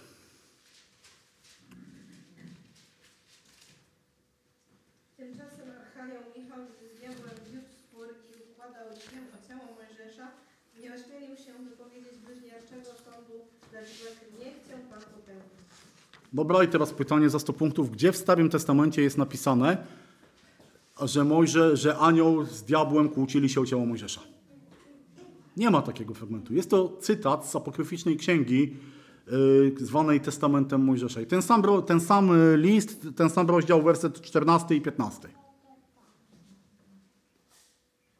O nich też prorokował Henok, siódmy potomek po Adamie, mówiąc, oto przyszedł Pan z tysiącami swoich świętych, aby dokonać sądu nad wszystkimi i ukarać wszystkich bezbożników za wszystkie ich bezbożne uczynki, których się dopuścili i za wszystkie bezdecne słowa, jakie wypowiedzieli przeciwko innym bezbożnym.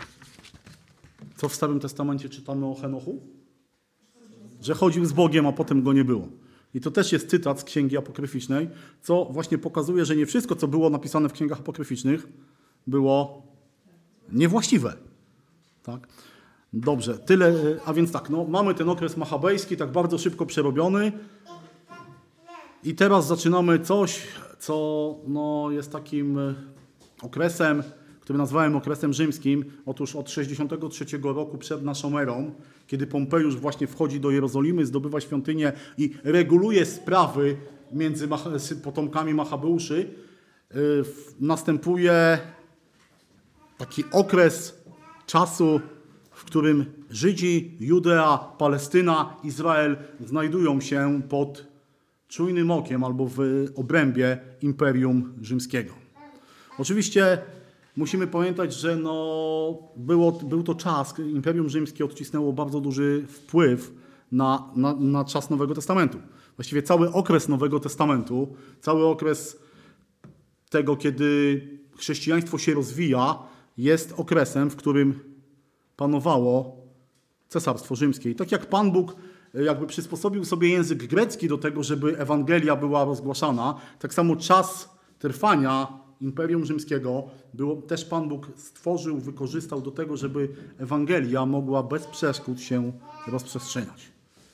Krótka historia Rzymu teraz, nie wiem, będzie taka powtórka ze szkoły, nie wiem, podstawowej, średniej. Co wiemy o Rzymie? Był. I to jest najważniejsza rzecz, o którą, którą wiemy. Na dodatek jeszcze jest. Wszystkie, wiemy też o tym, wszystkie drogi prowadzą do Rzymu. W 753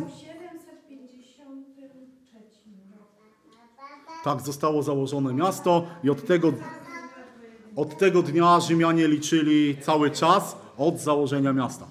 Wiecie, co jeszcze wiemy? No Rzym na siedmiu wzgórzach, wszystkie drogi prowadzą do Rzymu, yy, do Grodziska. No, chociaż wiecie, powiedzenie o, powiedzenie o Grodzisku, że jest nowym Rzymem może być niebezpieczne.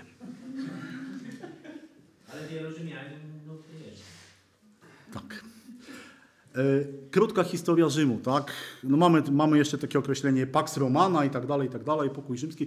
Wiecie, no, tak jak siostra powiedziała, Rzym założony w 753 roku przed naszą erą. Na początku była to nawet nie miasto, ale taka wioska rozsiana gdzieś tam nad brzegiem Tybru i gdzieś w Italii. Przez pewien, czas, przez y, no, pewien czas było to królestwo i tam chyba bodajże było 12 rzymskich królów. Później jeden z nich okazał się taką, jakby to nazwać, osobą, no nie wiem, no, no taką, nie wiem, no, nie chciałbym użyć mocnych słów, ale po prostu no taką świnią. I generalnie Rzymianie stwierdzili, że nie jest dobrze mieć króla, ponieważ jeżeli jeden człowiek ma władzę, to mu może odbić. I Rzym stał się republiką. Więc był senat, wielu ludzi mogło o czymś decydować. No oczywiście, jak wielu ludzi o czymś decyduje, to zawsze wśród tych decyzyjnych znajdą się tacy, którzy dochodzą do wniosku, dlaczego ma decydować 200, jak może być no, od razu jeden. Jak może decydować kilku?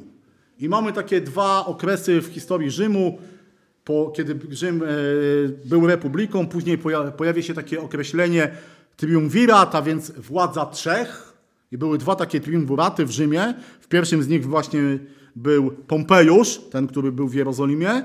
Był słynny, najsłynniejszy chyba Rzymianin. Kiedy powiemy słynny Rzymianin, to od razu myślimy o kim?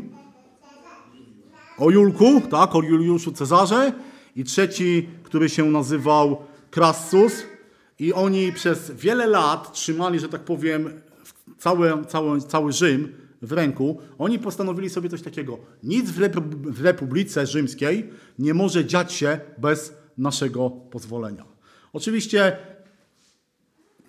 Cezar został zabity, Pompejusz się e, pokłócił z Krastusem, e, nastąpiło, nastąpiło zamieszanie, więc pojawili się kolejni trzej ludzie, którzy stwierdzili, że pomszczą Cezara, zawierają drugi triumvirat i tutaj e, jednym z nich był właśnie Oktawian August, drugi Marek Antoniusz i trzeci Marek Lepidus. Ten trzeci bardzo szybko został wyeliminowany, bo ci, bo ci dwaj pozostali stwierdzili, po co mamy rządzić we trzech, jak można we dwóch. Ale po pewnym czasie stwierdzili, po co mamy rządzić we dwóch, jak możemy, możemy pojedynczo. I właśnie w ten sposób y, August, Oktawian August zostaje pierwszym Cezarem i w roku około 30 przed naszą erą Rzym zaczyna być cesarstwem.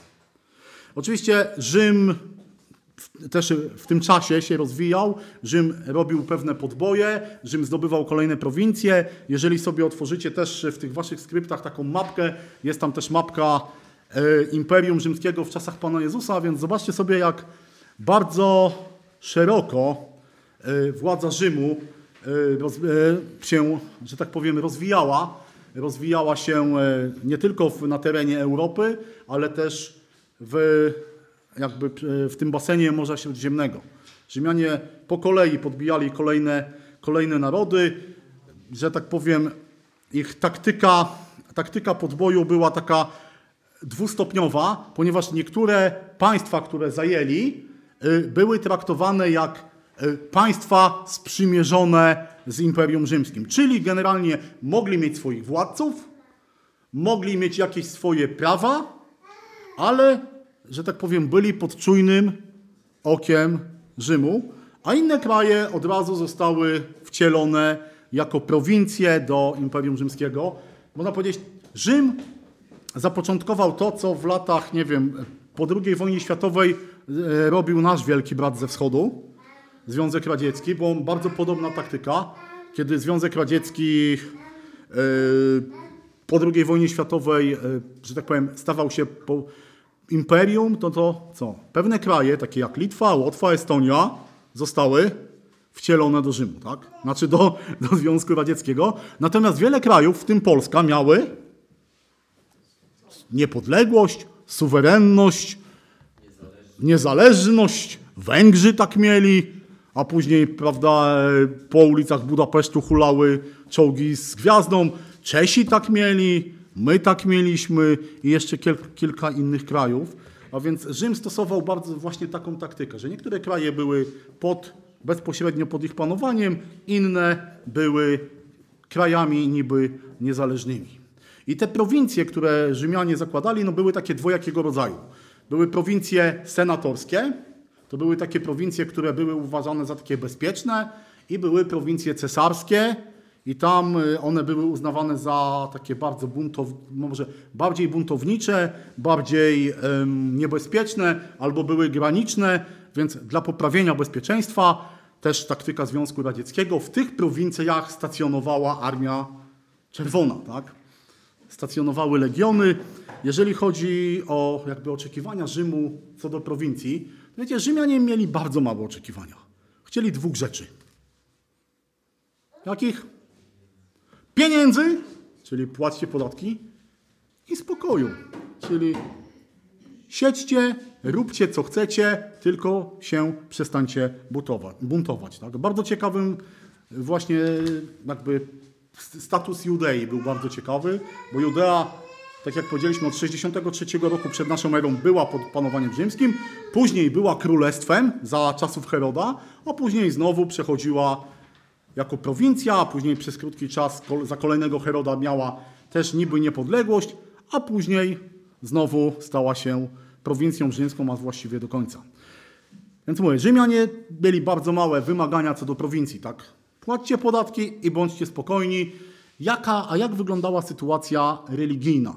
Jak wyglądała taka sytuacja, y, jeżeli chodzi właśnie o wierzenia? I tutaj też Rzymianie, można powiedzieć, y, byli, mogli, mogą, mogliby świecić przykładem dla, dla dzisiaj, dla wielu, dla wielu państw takich, że tak powiem, wyznaniowych, ponieważ Rzymianie bardzo szeroko rozumieli tolerancję.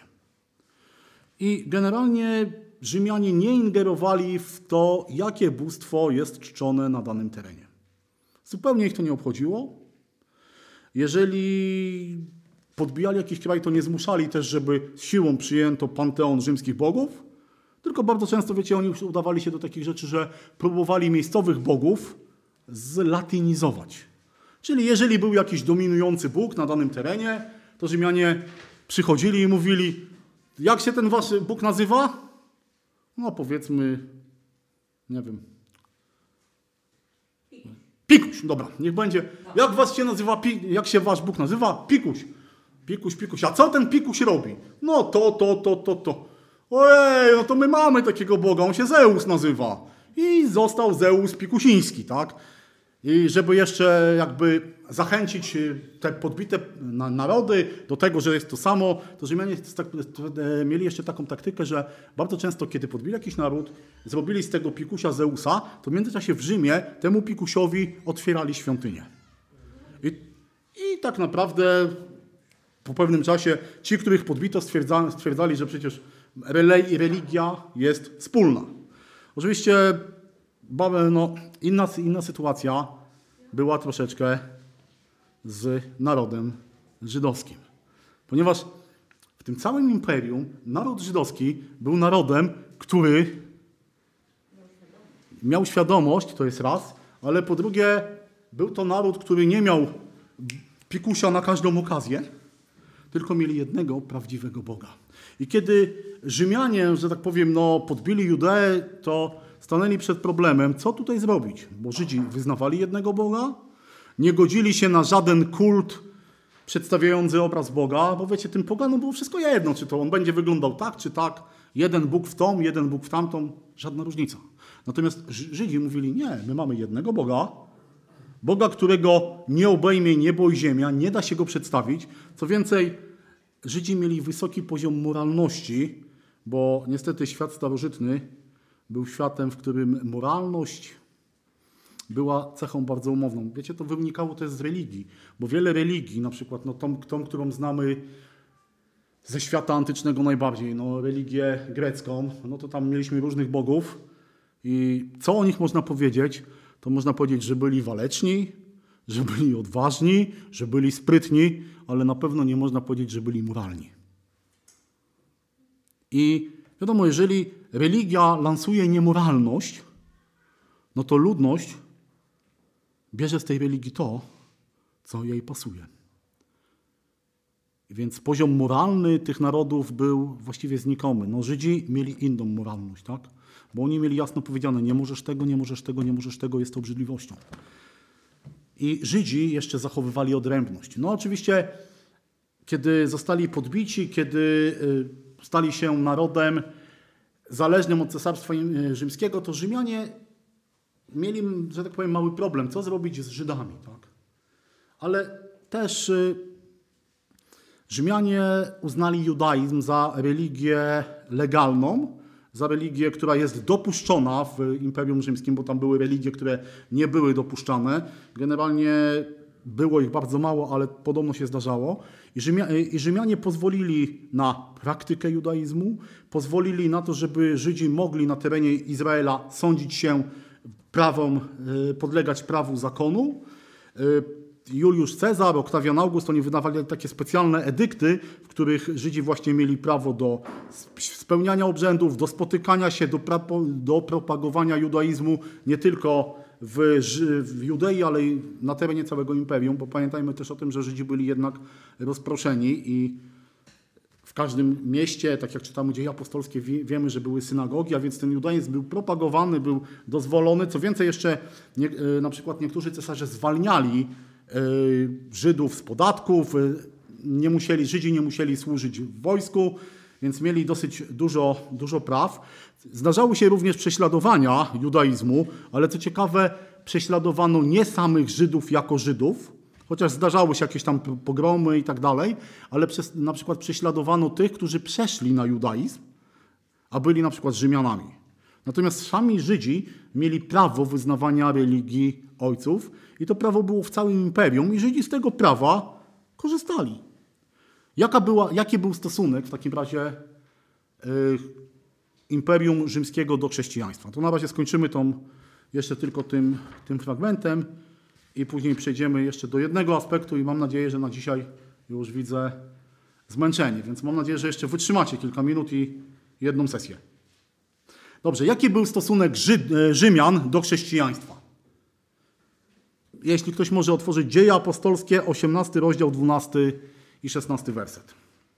A gdy Galion był prokonsulem Achai, powstali jednomyślnie Żydzi przeciwko Pawłowi i stawili go przed sądem. Mówiąc, człowiek ten namawia ludzi, aby oddawali cześć Bogu niezgodnie z zakonem. A gdy Paweł miał już usta otworzyć, rzekł Galion do Żydów. Gdyby chodziło o jakie bezprawie albo niecho- niegodziwy czyn, ująłbym się. Rzecz y, zrozumiała, za wami Żydzi. Skoro jednak spór dotyczy i waszego własnego zakonu, sami się tym zajmijcie. Ja nie chcę być sędzią w tych sprawach.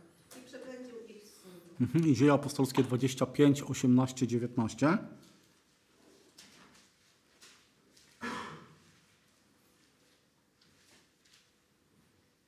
Kiedy jednak oskarżyciele wystąpili, nie wytoczyli w jego sprawie e, żadnej skargi o przestępstwa, jakich się dopatrywałem, lecz wysuwali przeciwko niemu jakieś zagadnienia sporne dotyczące ich własnej wiary, jakiegoś Jezusa, który umarł, a któ- o którym Paweł utrzymywał, że żyje. Mhm, Zobaczcie, stosunek jakby Imperium Rzymskiego na początku do chrześcijaństwa był taki, że Rzymianin, przeciętny Rzymianin nie widział za bardzo różnicy. Tak? I Rzymianie traktowali chrześcijan, przynajmniej na początku, jako część judaizmu. I tutaj widzimy w tych dwóch przykładach Galiona i bodajże ten drugi fragment to jest wypowiedź Festusa, namiestnika e, rzymskiego, że tak naprawdę Rzymianin nie rozumiał, o co, o co im chodzi. O co oni się spierają? No, spierajcie się o jakieś, jakieś wasze przepisy, usiądźcie sobie, porozmawiajcie, pokażcie, wyjaśnijcie i nie zawracajcie nam głowy. I tak było traktowane chrześcijaństwo. I tak naprawdę, słuchajcie, wszystkie prze- prześladowania chrześcijan, o których czytamy w Nowym Testamencie, już na pierwsze prześladowanie było w dziejach apostolskich, to jego inicjatorem nie byli Rzymianie, ale byli Żydzi. Zobaczcie, kiedy właśnie czytamy o pierwszym prześladowaniu w Jerozolimie, kiedy Jakub zostaje ścięty, a Piotr uwięziony, kto stoi za tym prześladowaniem? Żyd. Król, żydowski król Herod. Kiedy Paweł udaje się do różnych miast, w których spotyka się z ludźmi i wybuchają tam zamieszki, kto jest sprawcą i kto, jest, kto podburza? Żydzi. A więc to było to, co, co można powiedzieć, to jakby prześladowania nastąpiły, następowały właśnie z, z, z jakby z no, podpuchy z, z, ze strony Żydów, tak? Oni byli zazdrośni o Chrystusa i dlatego te, te prześladowania wybuchały. Oczywiście Rzymianie później prześladowali Kościół, byli cesarze, którzy no, szczególnie się tym zasłużyli, nawet w Nowym Testamencie już i zróbmy sobie teraz przerwę, później zróbmy jeszcze jedną tą. Nadia już dzwoniła, przepraszam, że wam przerwę zabrałem. Zróbmy przerwę, zrobimy jeszcze sobie, no słuchajcie, ponieważ już widzę, że część studentów uciekła, więc rozumiem, że jesteście już zmęczeni. E, Chciałbym, żebyśmy teraz e, zajęli się jakby takim jednym, przynajmniej częścią jednego częścią jednego działu. Ja bardzo dziękuję za czujność bratu, bratu Maćkowi, ponieważ e, zwrócił mi taką uwagę, że no, skończyłem na tych Machabeuszach i teraz od razu do Rzymian. Yy, powiem szczerze, no generalnie jakby chronologicznie to trzeba by teraz przejść przez Herodów i całą tą dynastię, ale chciałem, chciałem przejść do, do Rzymu, ponieważ chciałem jakby zrobić to w takim jednym bloku i mieć już później Rzymian z głowy. Skończyliśmy na takim bardzo, bardzo niewdzięcznym temacie, a mianowicie na temacie prześladowań chrześcijan. Temacie, który, jak widzimy też dzisiaj w naszych czasach jest ciągle aktualny. Chrześcijanie są grupą podobno najbardziej, najbardziej prześladowaną grupą religijną na świecie, są chrześcijanie. I nie zmieniło się to od y, tak naprawdę od samego początku powstania Kościoła, ponieważ tak jak widzieliśmy, chrześcijanie czy też jak Nowy Testament nazywa ich na początku wyznawcy tej drogi, byli prześladowani od początku najpierw przez Żydów, później przez y, władze i są prześladowani do dzisiaj. Chciałem właśnie teraz zająć się na tej, jakby tym ostatnim, na, na dzisiejszej naszej sesji troszeczkę tematem właśnie jak y, chrześcijanie byli traktowani przez, y, w Cesarstwie Rzymskim, ponieważ tak jak no, mówiłem, historia Nowego Testamentu i historia początków chrześcijaństwa jest historią po prostu, która wydarzy, działa się w Imperium Rzymskim. Tak jak sobie powiedzieliśmy, Rzym najpierw królestwo, później republika, w końcu stał się cesarstwem i chciałbym, żebyśmy teraz króciutko popatrzyli na to, jak cesarstwo rzymskie w tym pierwszym wieku y, patrzyło na chrześcijaństwo przez pryzmat właśnie samej osoby, która decydowała o tym, co się dzieje w cesarstwie rzymskim, a więc przez pryzmat cesarza. I w pierwszym wieku od y, narodzenia Pana Jezusa do końca spisania Nowego Testamentu jest, było dziesięciu cesarzy. Trzech z nich jest wymienionych w Nowym Testamencie, czwarty jest wspomniany, a przynajmniej jeszcze trzech czy czterech miało wpływ na rozwój chrześcijaństwa. I pierwszym cesarzem, który jest wymieniony w Biblii, jest kto? Oktawian August, tak, to już czytaliśmy. Yy, I August był tym cesarzem, który był jako pierwszy był cesarzem i był znany z tego, że za jego czasów powstał, yy, powstał w Rzymie nastał pokój, czyli czas spokoju, kiedy Rzymianie po stu latach jakiś tam zamieszek, wojen domowych nagle się okazało, okazało że, się, że jest wolność i on był człowiekiem, który zreformował państwo, zreformował armię, dbał o poziom moralny społeczeństwa, troszczył się o obywateli i powiedział sam o sobie, że zastał Rzym murowany, a zostawił marmurowy. To był taki, wiecie, czas prosperity. Y, O Augustie czytamy w Nowym Testamencie, właściwie z tego, z tego jest znany, że to on, prawda, że w jego czasach narodził się Pan Jezus. Y, Drugi cesarz, Tyberiusz, y, Ewangelia Łukasza, trzeci rozdział, pierwszy werset, o nim czytamy. Y, I o nim generalnie można powiedzieć dwie rzeczy. Dobry polityk, dobry ekonomista, ale jako osobowość był człowiekiem, który był bardzo podejrzliwy, bardzo wybuchowy, bardzo taki nieprzystępny. I od momentu, kiedy wykrył spisek na swoje życie, no, stał się taką, takim człowiekiem bardzo okrutnym. Jakieś tam wszystkie niepokoje, to podobno było tak, że jak zobaczył trzech ludzi, którzy ze sobą rozmawiali, to brał ich do siebie i sprawdzał, o czym mówili. Jeżeli się coś nie zgadzało, to y, robił y, czystkę. Y, I tak naprawdę, kiedy on umarł, no to Rzymianie przyjęli jego śmierć z ulgą. Trzeci cesarz na, najczęściej wymieniany cesarz w Nowym Testamencie, cesarz Klaudiusz, Dzieje apostolskie 11:28 i 18:2 i sobie może, y, jeśli chodzi o ten cytat pierwszy, no to jest napisane o głodzie za jego czasów. I był człowiekiem, który no, y, był fizycznie ułomny, ale był bardzo inteligentny, bardzo y, wykształcony. I przeczytajmy sobie Rzymian 18:2, bo to jest dosyć ciekawa rzecz.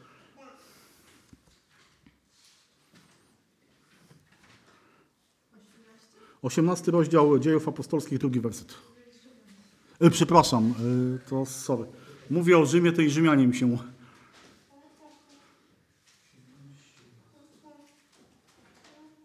Tam natknął się, tam dobrze, tam dobrze. Tam natknął się na pewnego Żyda imieniem Akwila ten z Pontu, który świeżo przybył z Italii i na Pryscylę, żonę jego, dlatego że Klaudiusz zarządził, aby wszyscy Żydzi opuścili Rzym i zbliżył się do nich. Mhm, zobaczcie, więc Klaudiusz y, jest wymieniany tutaj w tym kontekście, że Żydów wyrzucił z Rzymu. Y, Rzymski historyk Swetoniusz pisze coś takiego właśnie o Klaudiuszu. Żydów wypędził z Rzymu za to, że bezustannie wichrzyli podżegani przez jakiegoś Chrystosa. I wielu biblistów i naukowców uważa, że ten słowo Chrestos po prostu y, autor przekręcił słowo, a ono oznaczało Chrystusa. Czyli wynikałoby na to, że już w latach 40., 50. I wieku Ewangelia, chrześcijanie dotarli do Rzymu. Kolejny cesarz, ten, który, o którym chyba wiemy najwięcej, a mianowicie cesarz Neron. Y, Kim był? No, co wiemy o, o, o Neronie? Był, no, dusza artysty, a więc y, można powiedzieć wariat, ale tak naprawdę to jest ten cesarz, który jako pierwszy zaczął prześladować chrześcijan. W 1964 roku wybuchł pożar, pożar w Rzymie, który strawił dużą część miasta i w- y, po prostu y, wielu ludzi uważało, że sprawcą tego pożaru jest właśnie Neron, który chciał zbudować sobie nowy pałac. I żeby odwrócić podejrzenia od siebie, Neron musiał znaleźć kozła ofiarnego i przeczytam wam pewien fragment z wypowiedzi Tacyta, rzymskiego historyka. Nie ustępowała hańbiąca pogłoska i nadal wierzono, że pożar był nakazany. Aby więc usunąć, y, przed, aby go usunąć, podstawił Neron winowajców i dotknął najbardziej wyszukanymi kaźniami tych, którzy znienawidzono dla ich sromot, a których gmin chrześcijanami nazywał. Początek tej nazwie dał Chrystus, który za panowania Tyberiusza skazany został na śmierć przez prokuratura Poncjusza Piłata, a przytłumiony na razie zgubny zabobon znów wybuchnął nie tylko w Judei, gdzie się to Zło wylęgło, lecz także w stolicy, dokąd wszystko, co potworne albo sromotne, zewsząd napływa i licznych znajduje zwolenników. Schwytano więc naprzód tych, którzy tę wiarę publicznie wyznawali, potem na podstawie ich zeznań ogromne mnóstwo innych i udowodniono im nie tyle zbrodnie podpalenia, ile nienawiść ku rodzajowi ludzkiemu. A śmierci ich przydano, przydano, a śmierci ich przydano to urągowisko, że okryci skórami dzikich zwierząt ginęli rozszarpywani przez psy, albo przy, przybici do krzyżów, albo przeznaczeni na pastwę płomieni i gdy zabrakło dnia, palili się służąc za nocne pochodnie. Na to widowisko ofiarował Neron swój park i wydał igrzysko w cyrku, gdzie w y, przebraniu woźnicy z tłumem się mieszał na, lub, stał na, lub na wozie stawał. Stąd chociaż ci ludzie byli winni i zasługiwali na najsurowsze kary, budziła się ku nim litość, jako że, dla ich że, dla, że nie dla pożytku państwa, lecz dla zadośćuczynienia okrucieństwu jego człowieka, jednego człowieka byli traceni. I Neron, tak jak widzimy, był pierwszym prześladowcą Kościoła, był tym, który zapoczątkował te prześladowania, aczkolwiek niekoniecznie jakby z powodów religijnych, ale bardziej, żeby od, e, od siebie oddalić podejrzenia, co nie zmienia faktu, że chrześcijanie masowo ginęli. E, Ciężko jest powiedzieć, jaki był zakres tych prześladowań, bo o tym, o tym nie jest napisane, ale wiem, wiemy, że w czasie tych prześladowań właśnie życie oddali dwaj wielcy mężowie Boże, mianowicie apostoł Paweł i apostoł Piotr. Paweł został ścięty według przekazów jako obywatel rzymski, natomiast Piotr został ukrzyżowany i przekazy mówią, że ponieważ nie chciał być ukrzyżowany tak jak Chrystus, więc że ukrzyżowano go głową w dół. Co jest ciekawe też za y, panowania Nerona wybuchło powstanie w, w Izraelu, powstanie w Judei, które przyczyniło się do tego, że świątynia została została zniszczona. Kolejni, Neron generalnie zginął popełniwszy samobójstwo, aczkolwiek a właściwie dał się, dał się za, kazał się zabić jednemu ze swoich wyzwoleńców. Po Neronie następuje taki okres tak zwanych czterech cesarzy, którzy żyli właściwie, trzech z nich właściwie było jeden po drugim, rządzili po kilku miesiącach, więc nie, nie mieli jakby dużego wpływu na temat y, chrześcijaństwa, na temat tego, co się działo. Kolejny Wespazjan, a więc jest to cesarz, który może nie zasłynął jako prześladowca Kościoła, ale był tym, który, y, któremu Neron nakazał tłumienie powstania w Jerozolimie. Y, Był tym człowiekiem, który, że tak powiem, z którym zaprzyjaźnił się Józef Flawiusz, a więc ten autor tej ks- księgi y, historii Izraela i wojny. I y, kiedy Neron jeszcze, właściwie kiedy Neron umierał, y, to został wojsko Wespazjana wybrało go na cesarza. On udał się do Rzymu, aby tą władzę uzyskać. Natomiast zdobycie Jerozolimy, a więc taki okres, który no, w historii, w historii judaizmu, Żydów zapisał się taką no, czarną, czarną, czarną czcionką, powierzył swojemu synowi Tytusowi. Tytus zdobył świątynię. Tytus był człowiekiem, który tą świątynię zdobył Jerozolimę i zdobył świątynię. Podobno Tytus jako cesarz nie chciał, nie chciał e, jakby zagłady świątyni, ponieważ chciał ją zachować jako, jako dowód prawda, na, na potęgę i jakiegoś, czy imperium, na chwałę imperium, ale prawdopodobnie też w tym, że nie chciał jej zniszczyć, miała, miała udział Berenika, który, z którą, czyli to była siostra jednego z wtedy panujących królów y, żydowskich, z którą prawdopodobnie miał romans, a więc y, świątynia została, że tak powiem, spalona nie z jego rozkazu.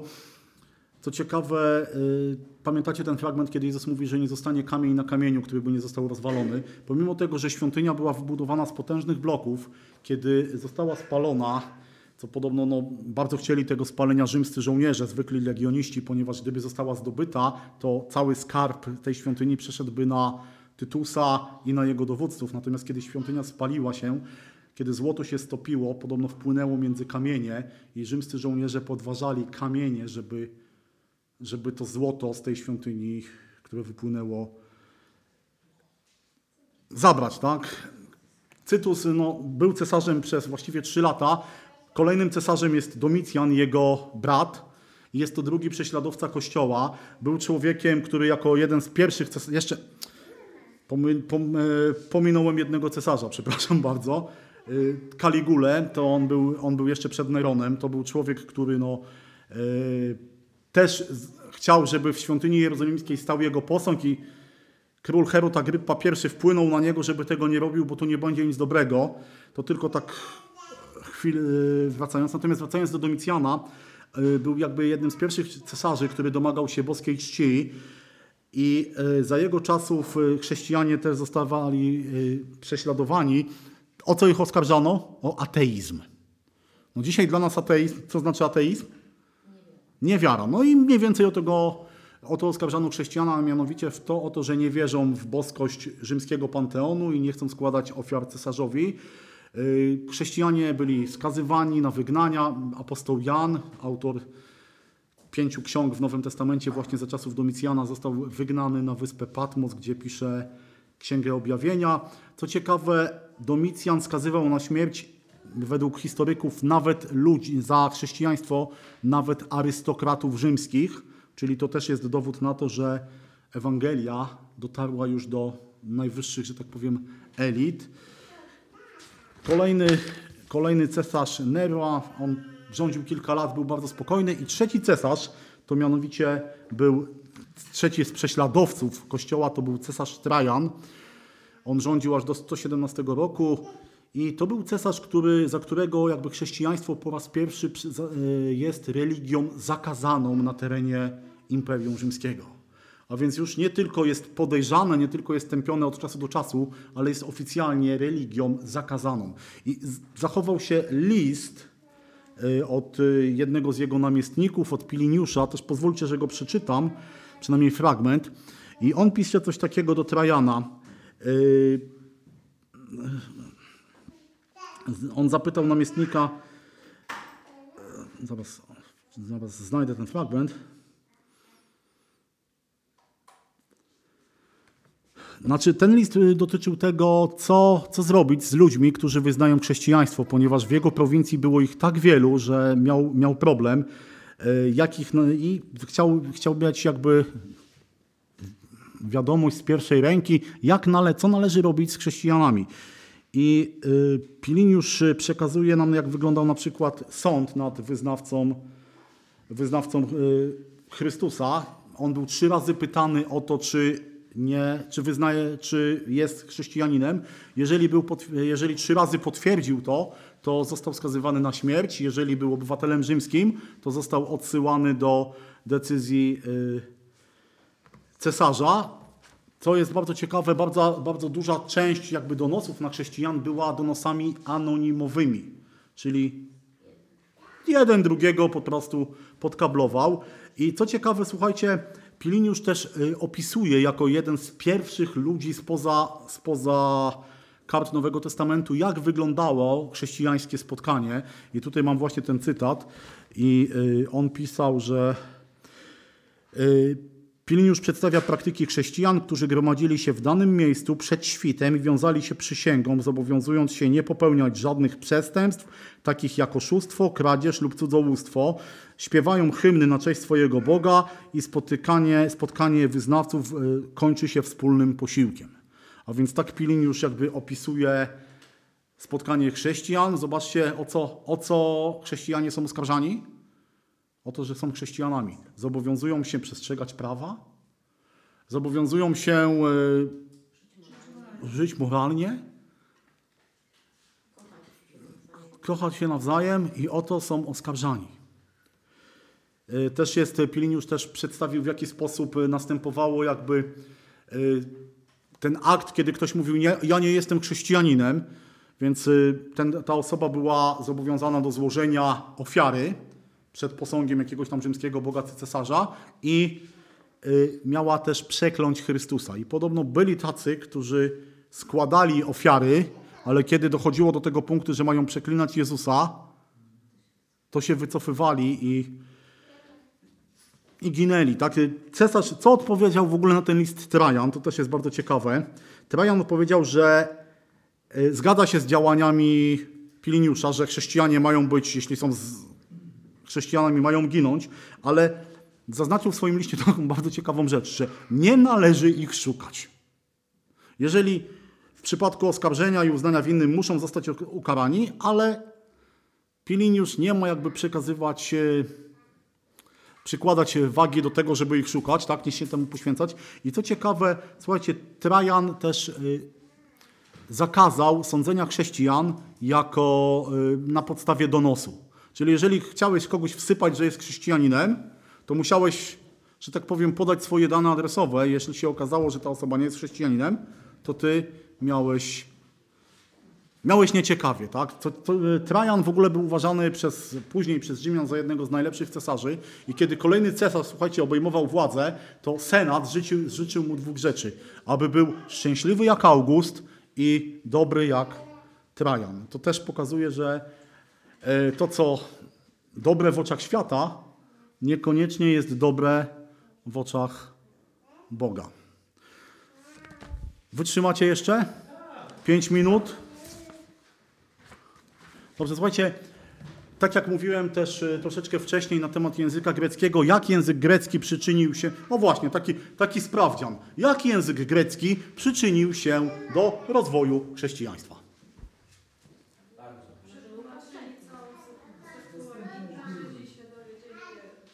Wszyscy gadali jednym językiem. I mogli czytać y, to, to. I później te księgi sobie też czytali. Dobrze, no generalnie, generalnie bardzo dobrze. Cieszę się, że jest, jest wiedza, jest pamięć.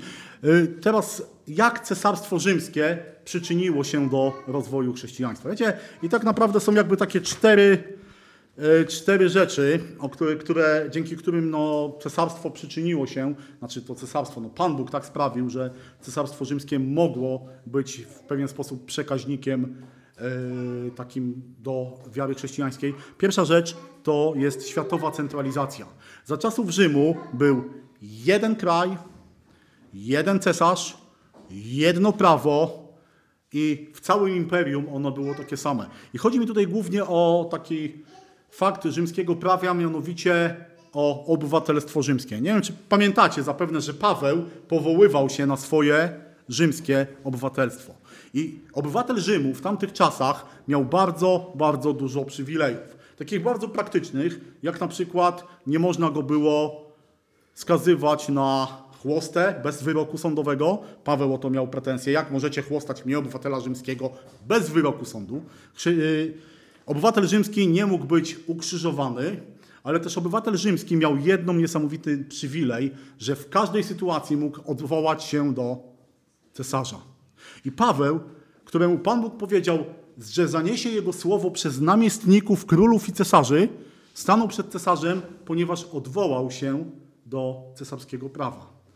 Druga rzecz to światowa komunikacja. Rzymianie do tej pory, słuchajcie, korzystamy w niektórych miastach, miejscach z drogi rzymskiej, tak?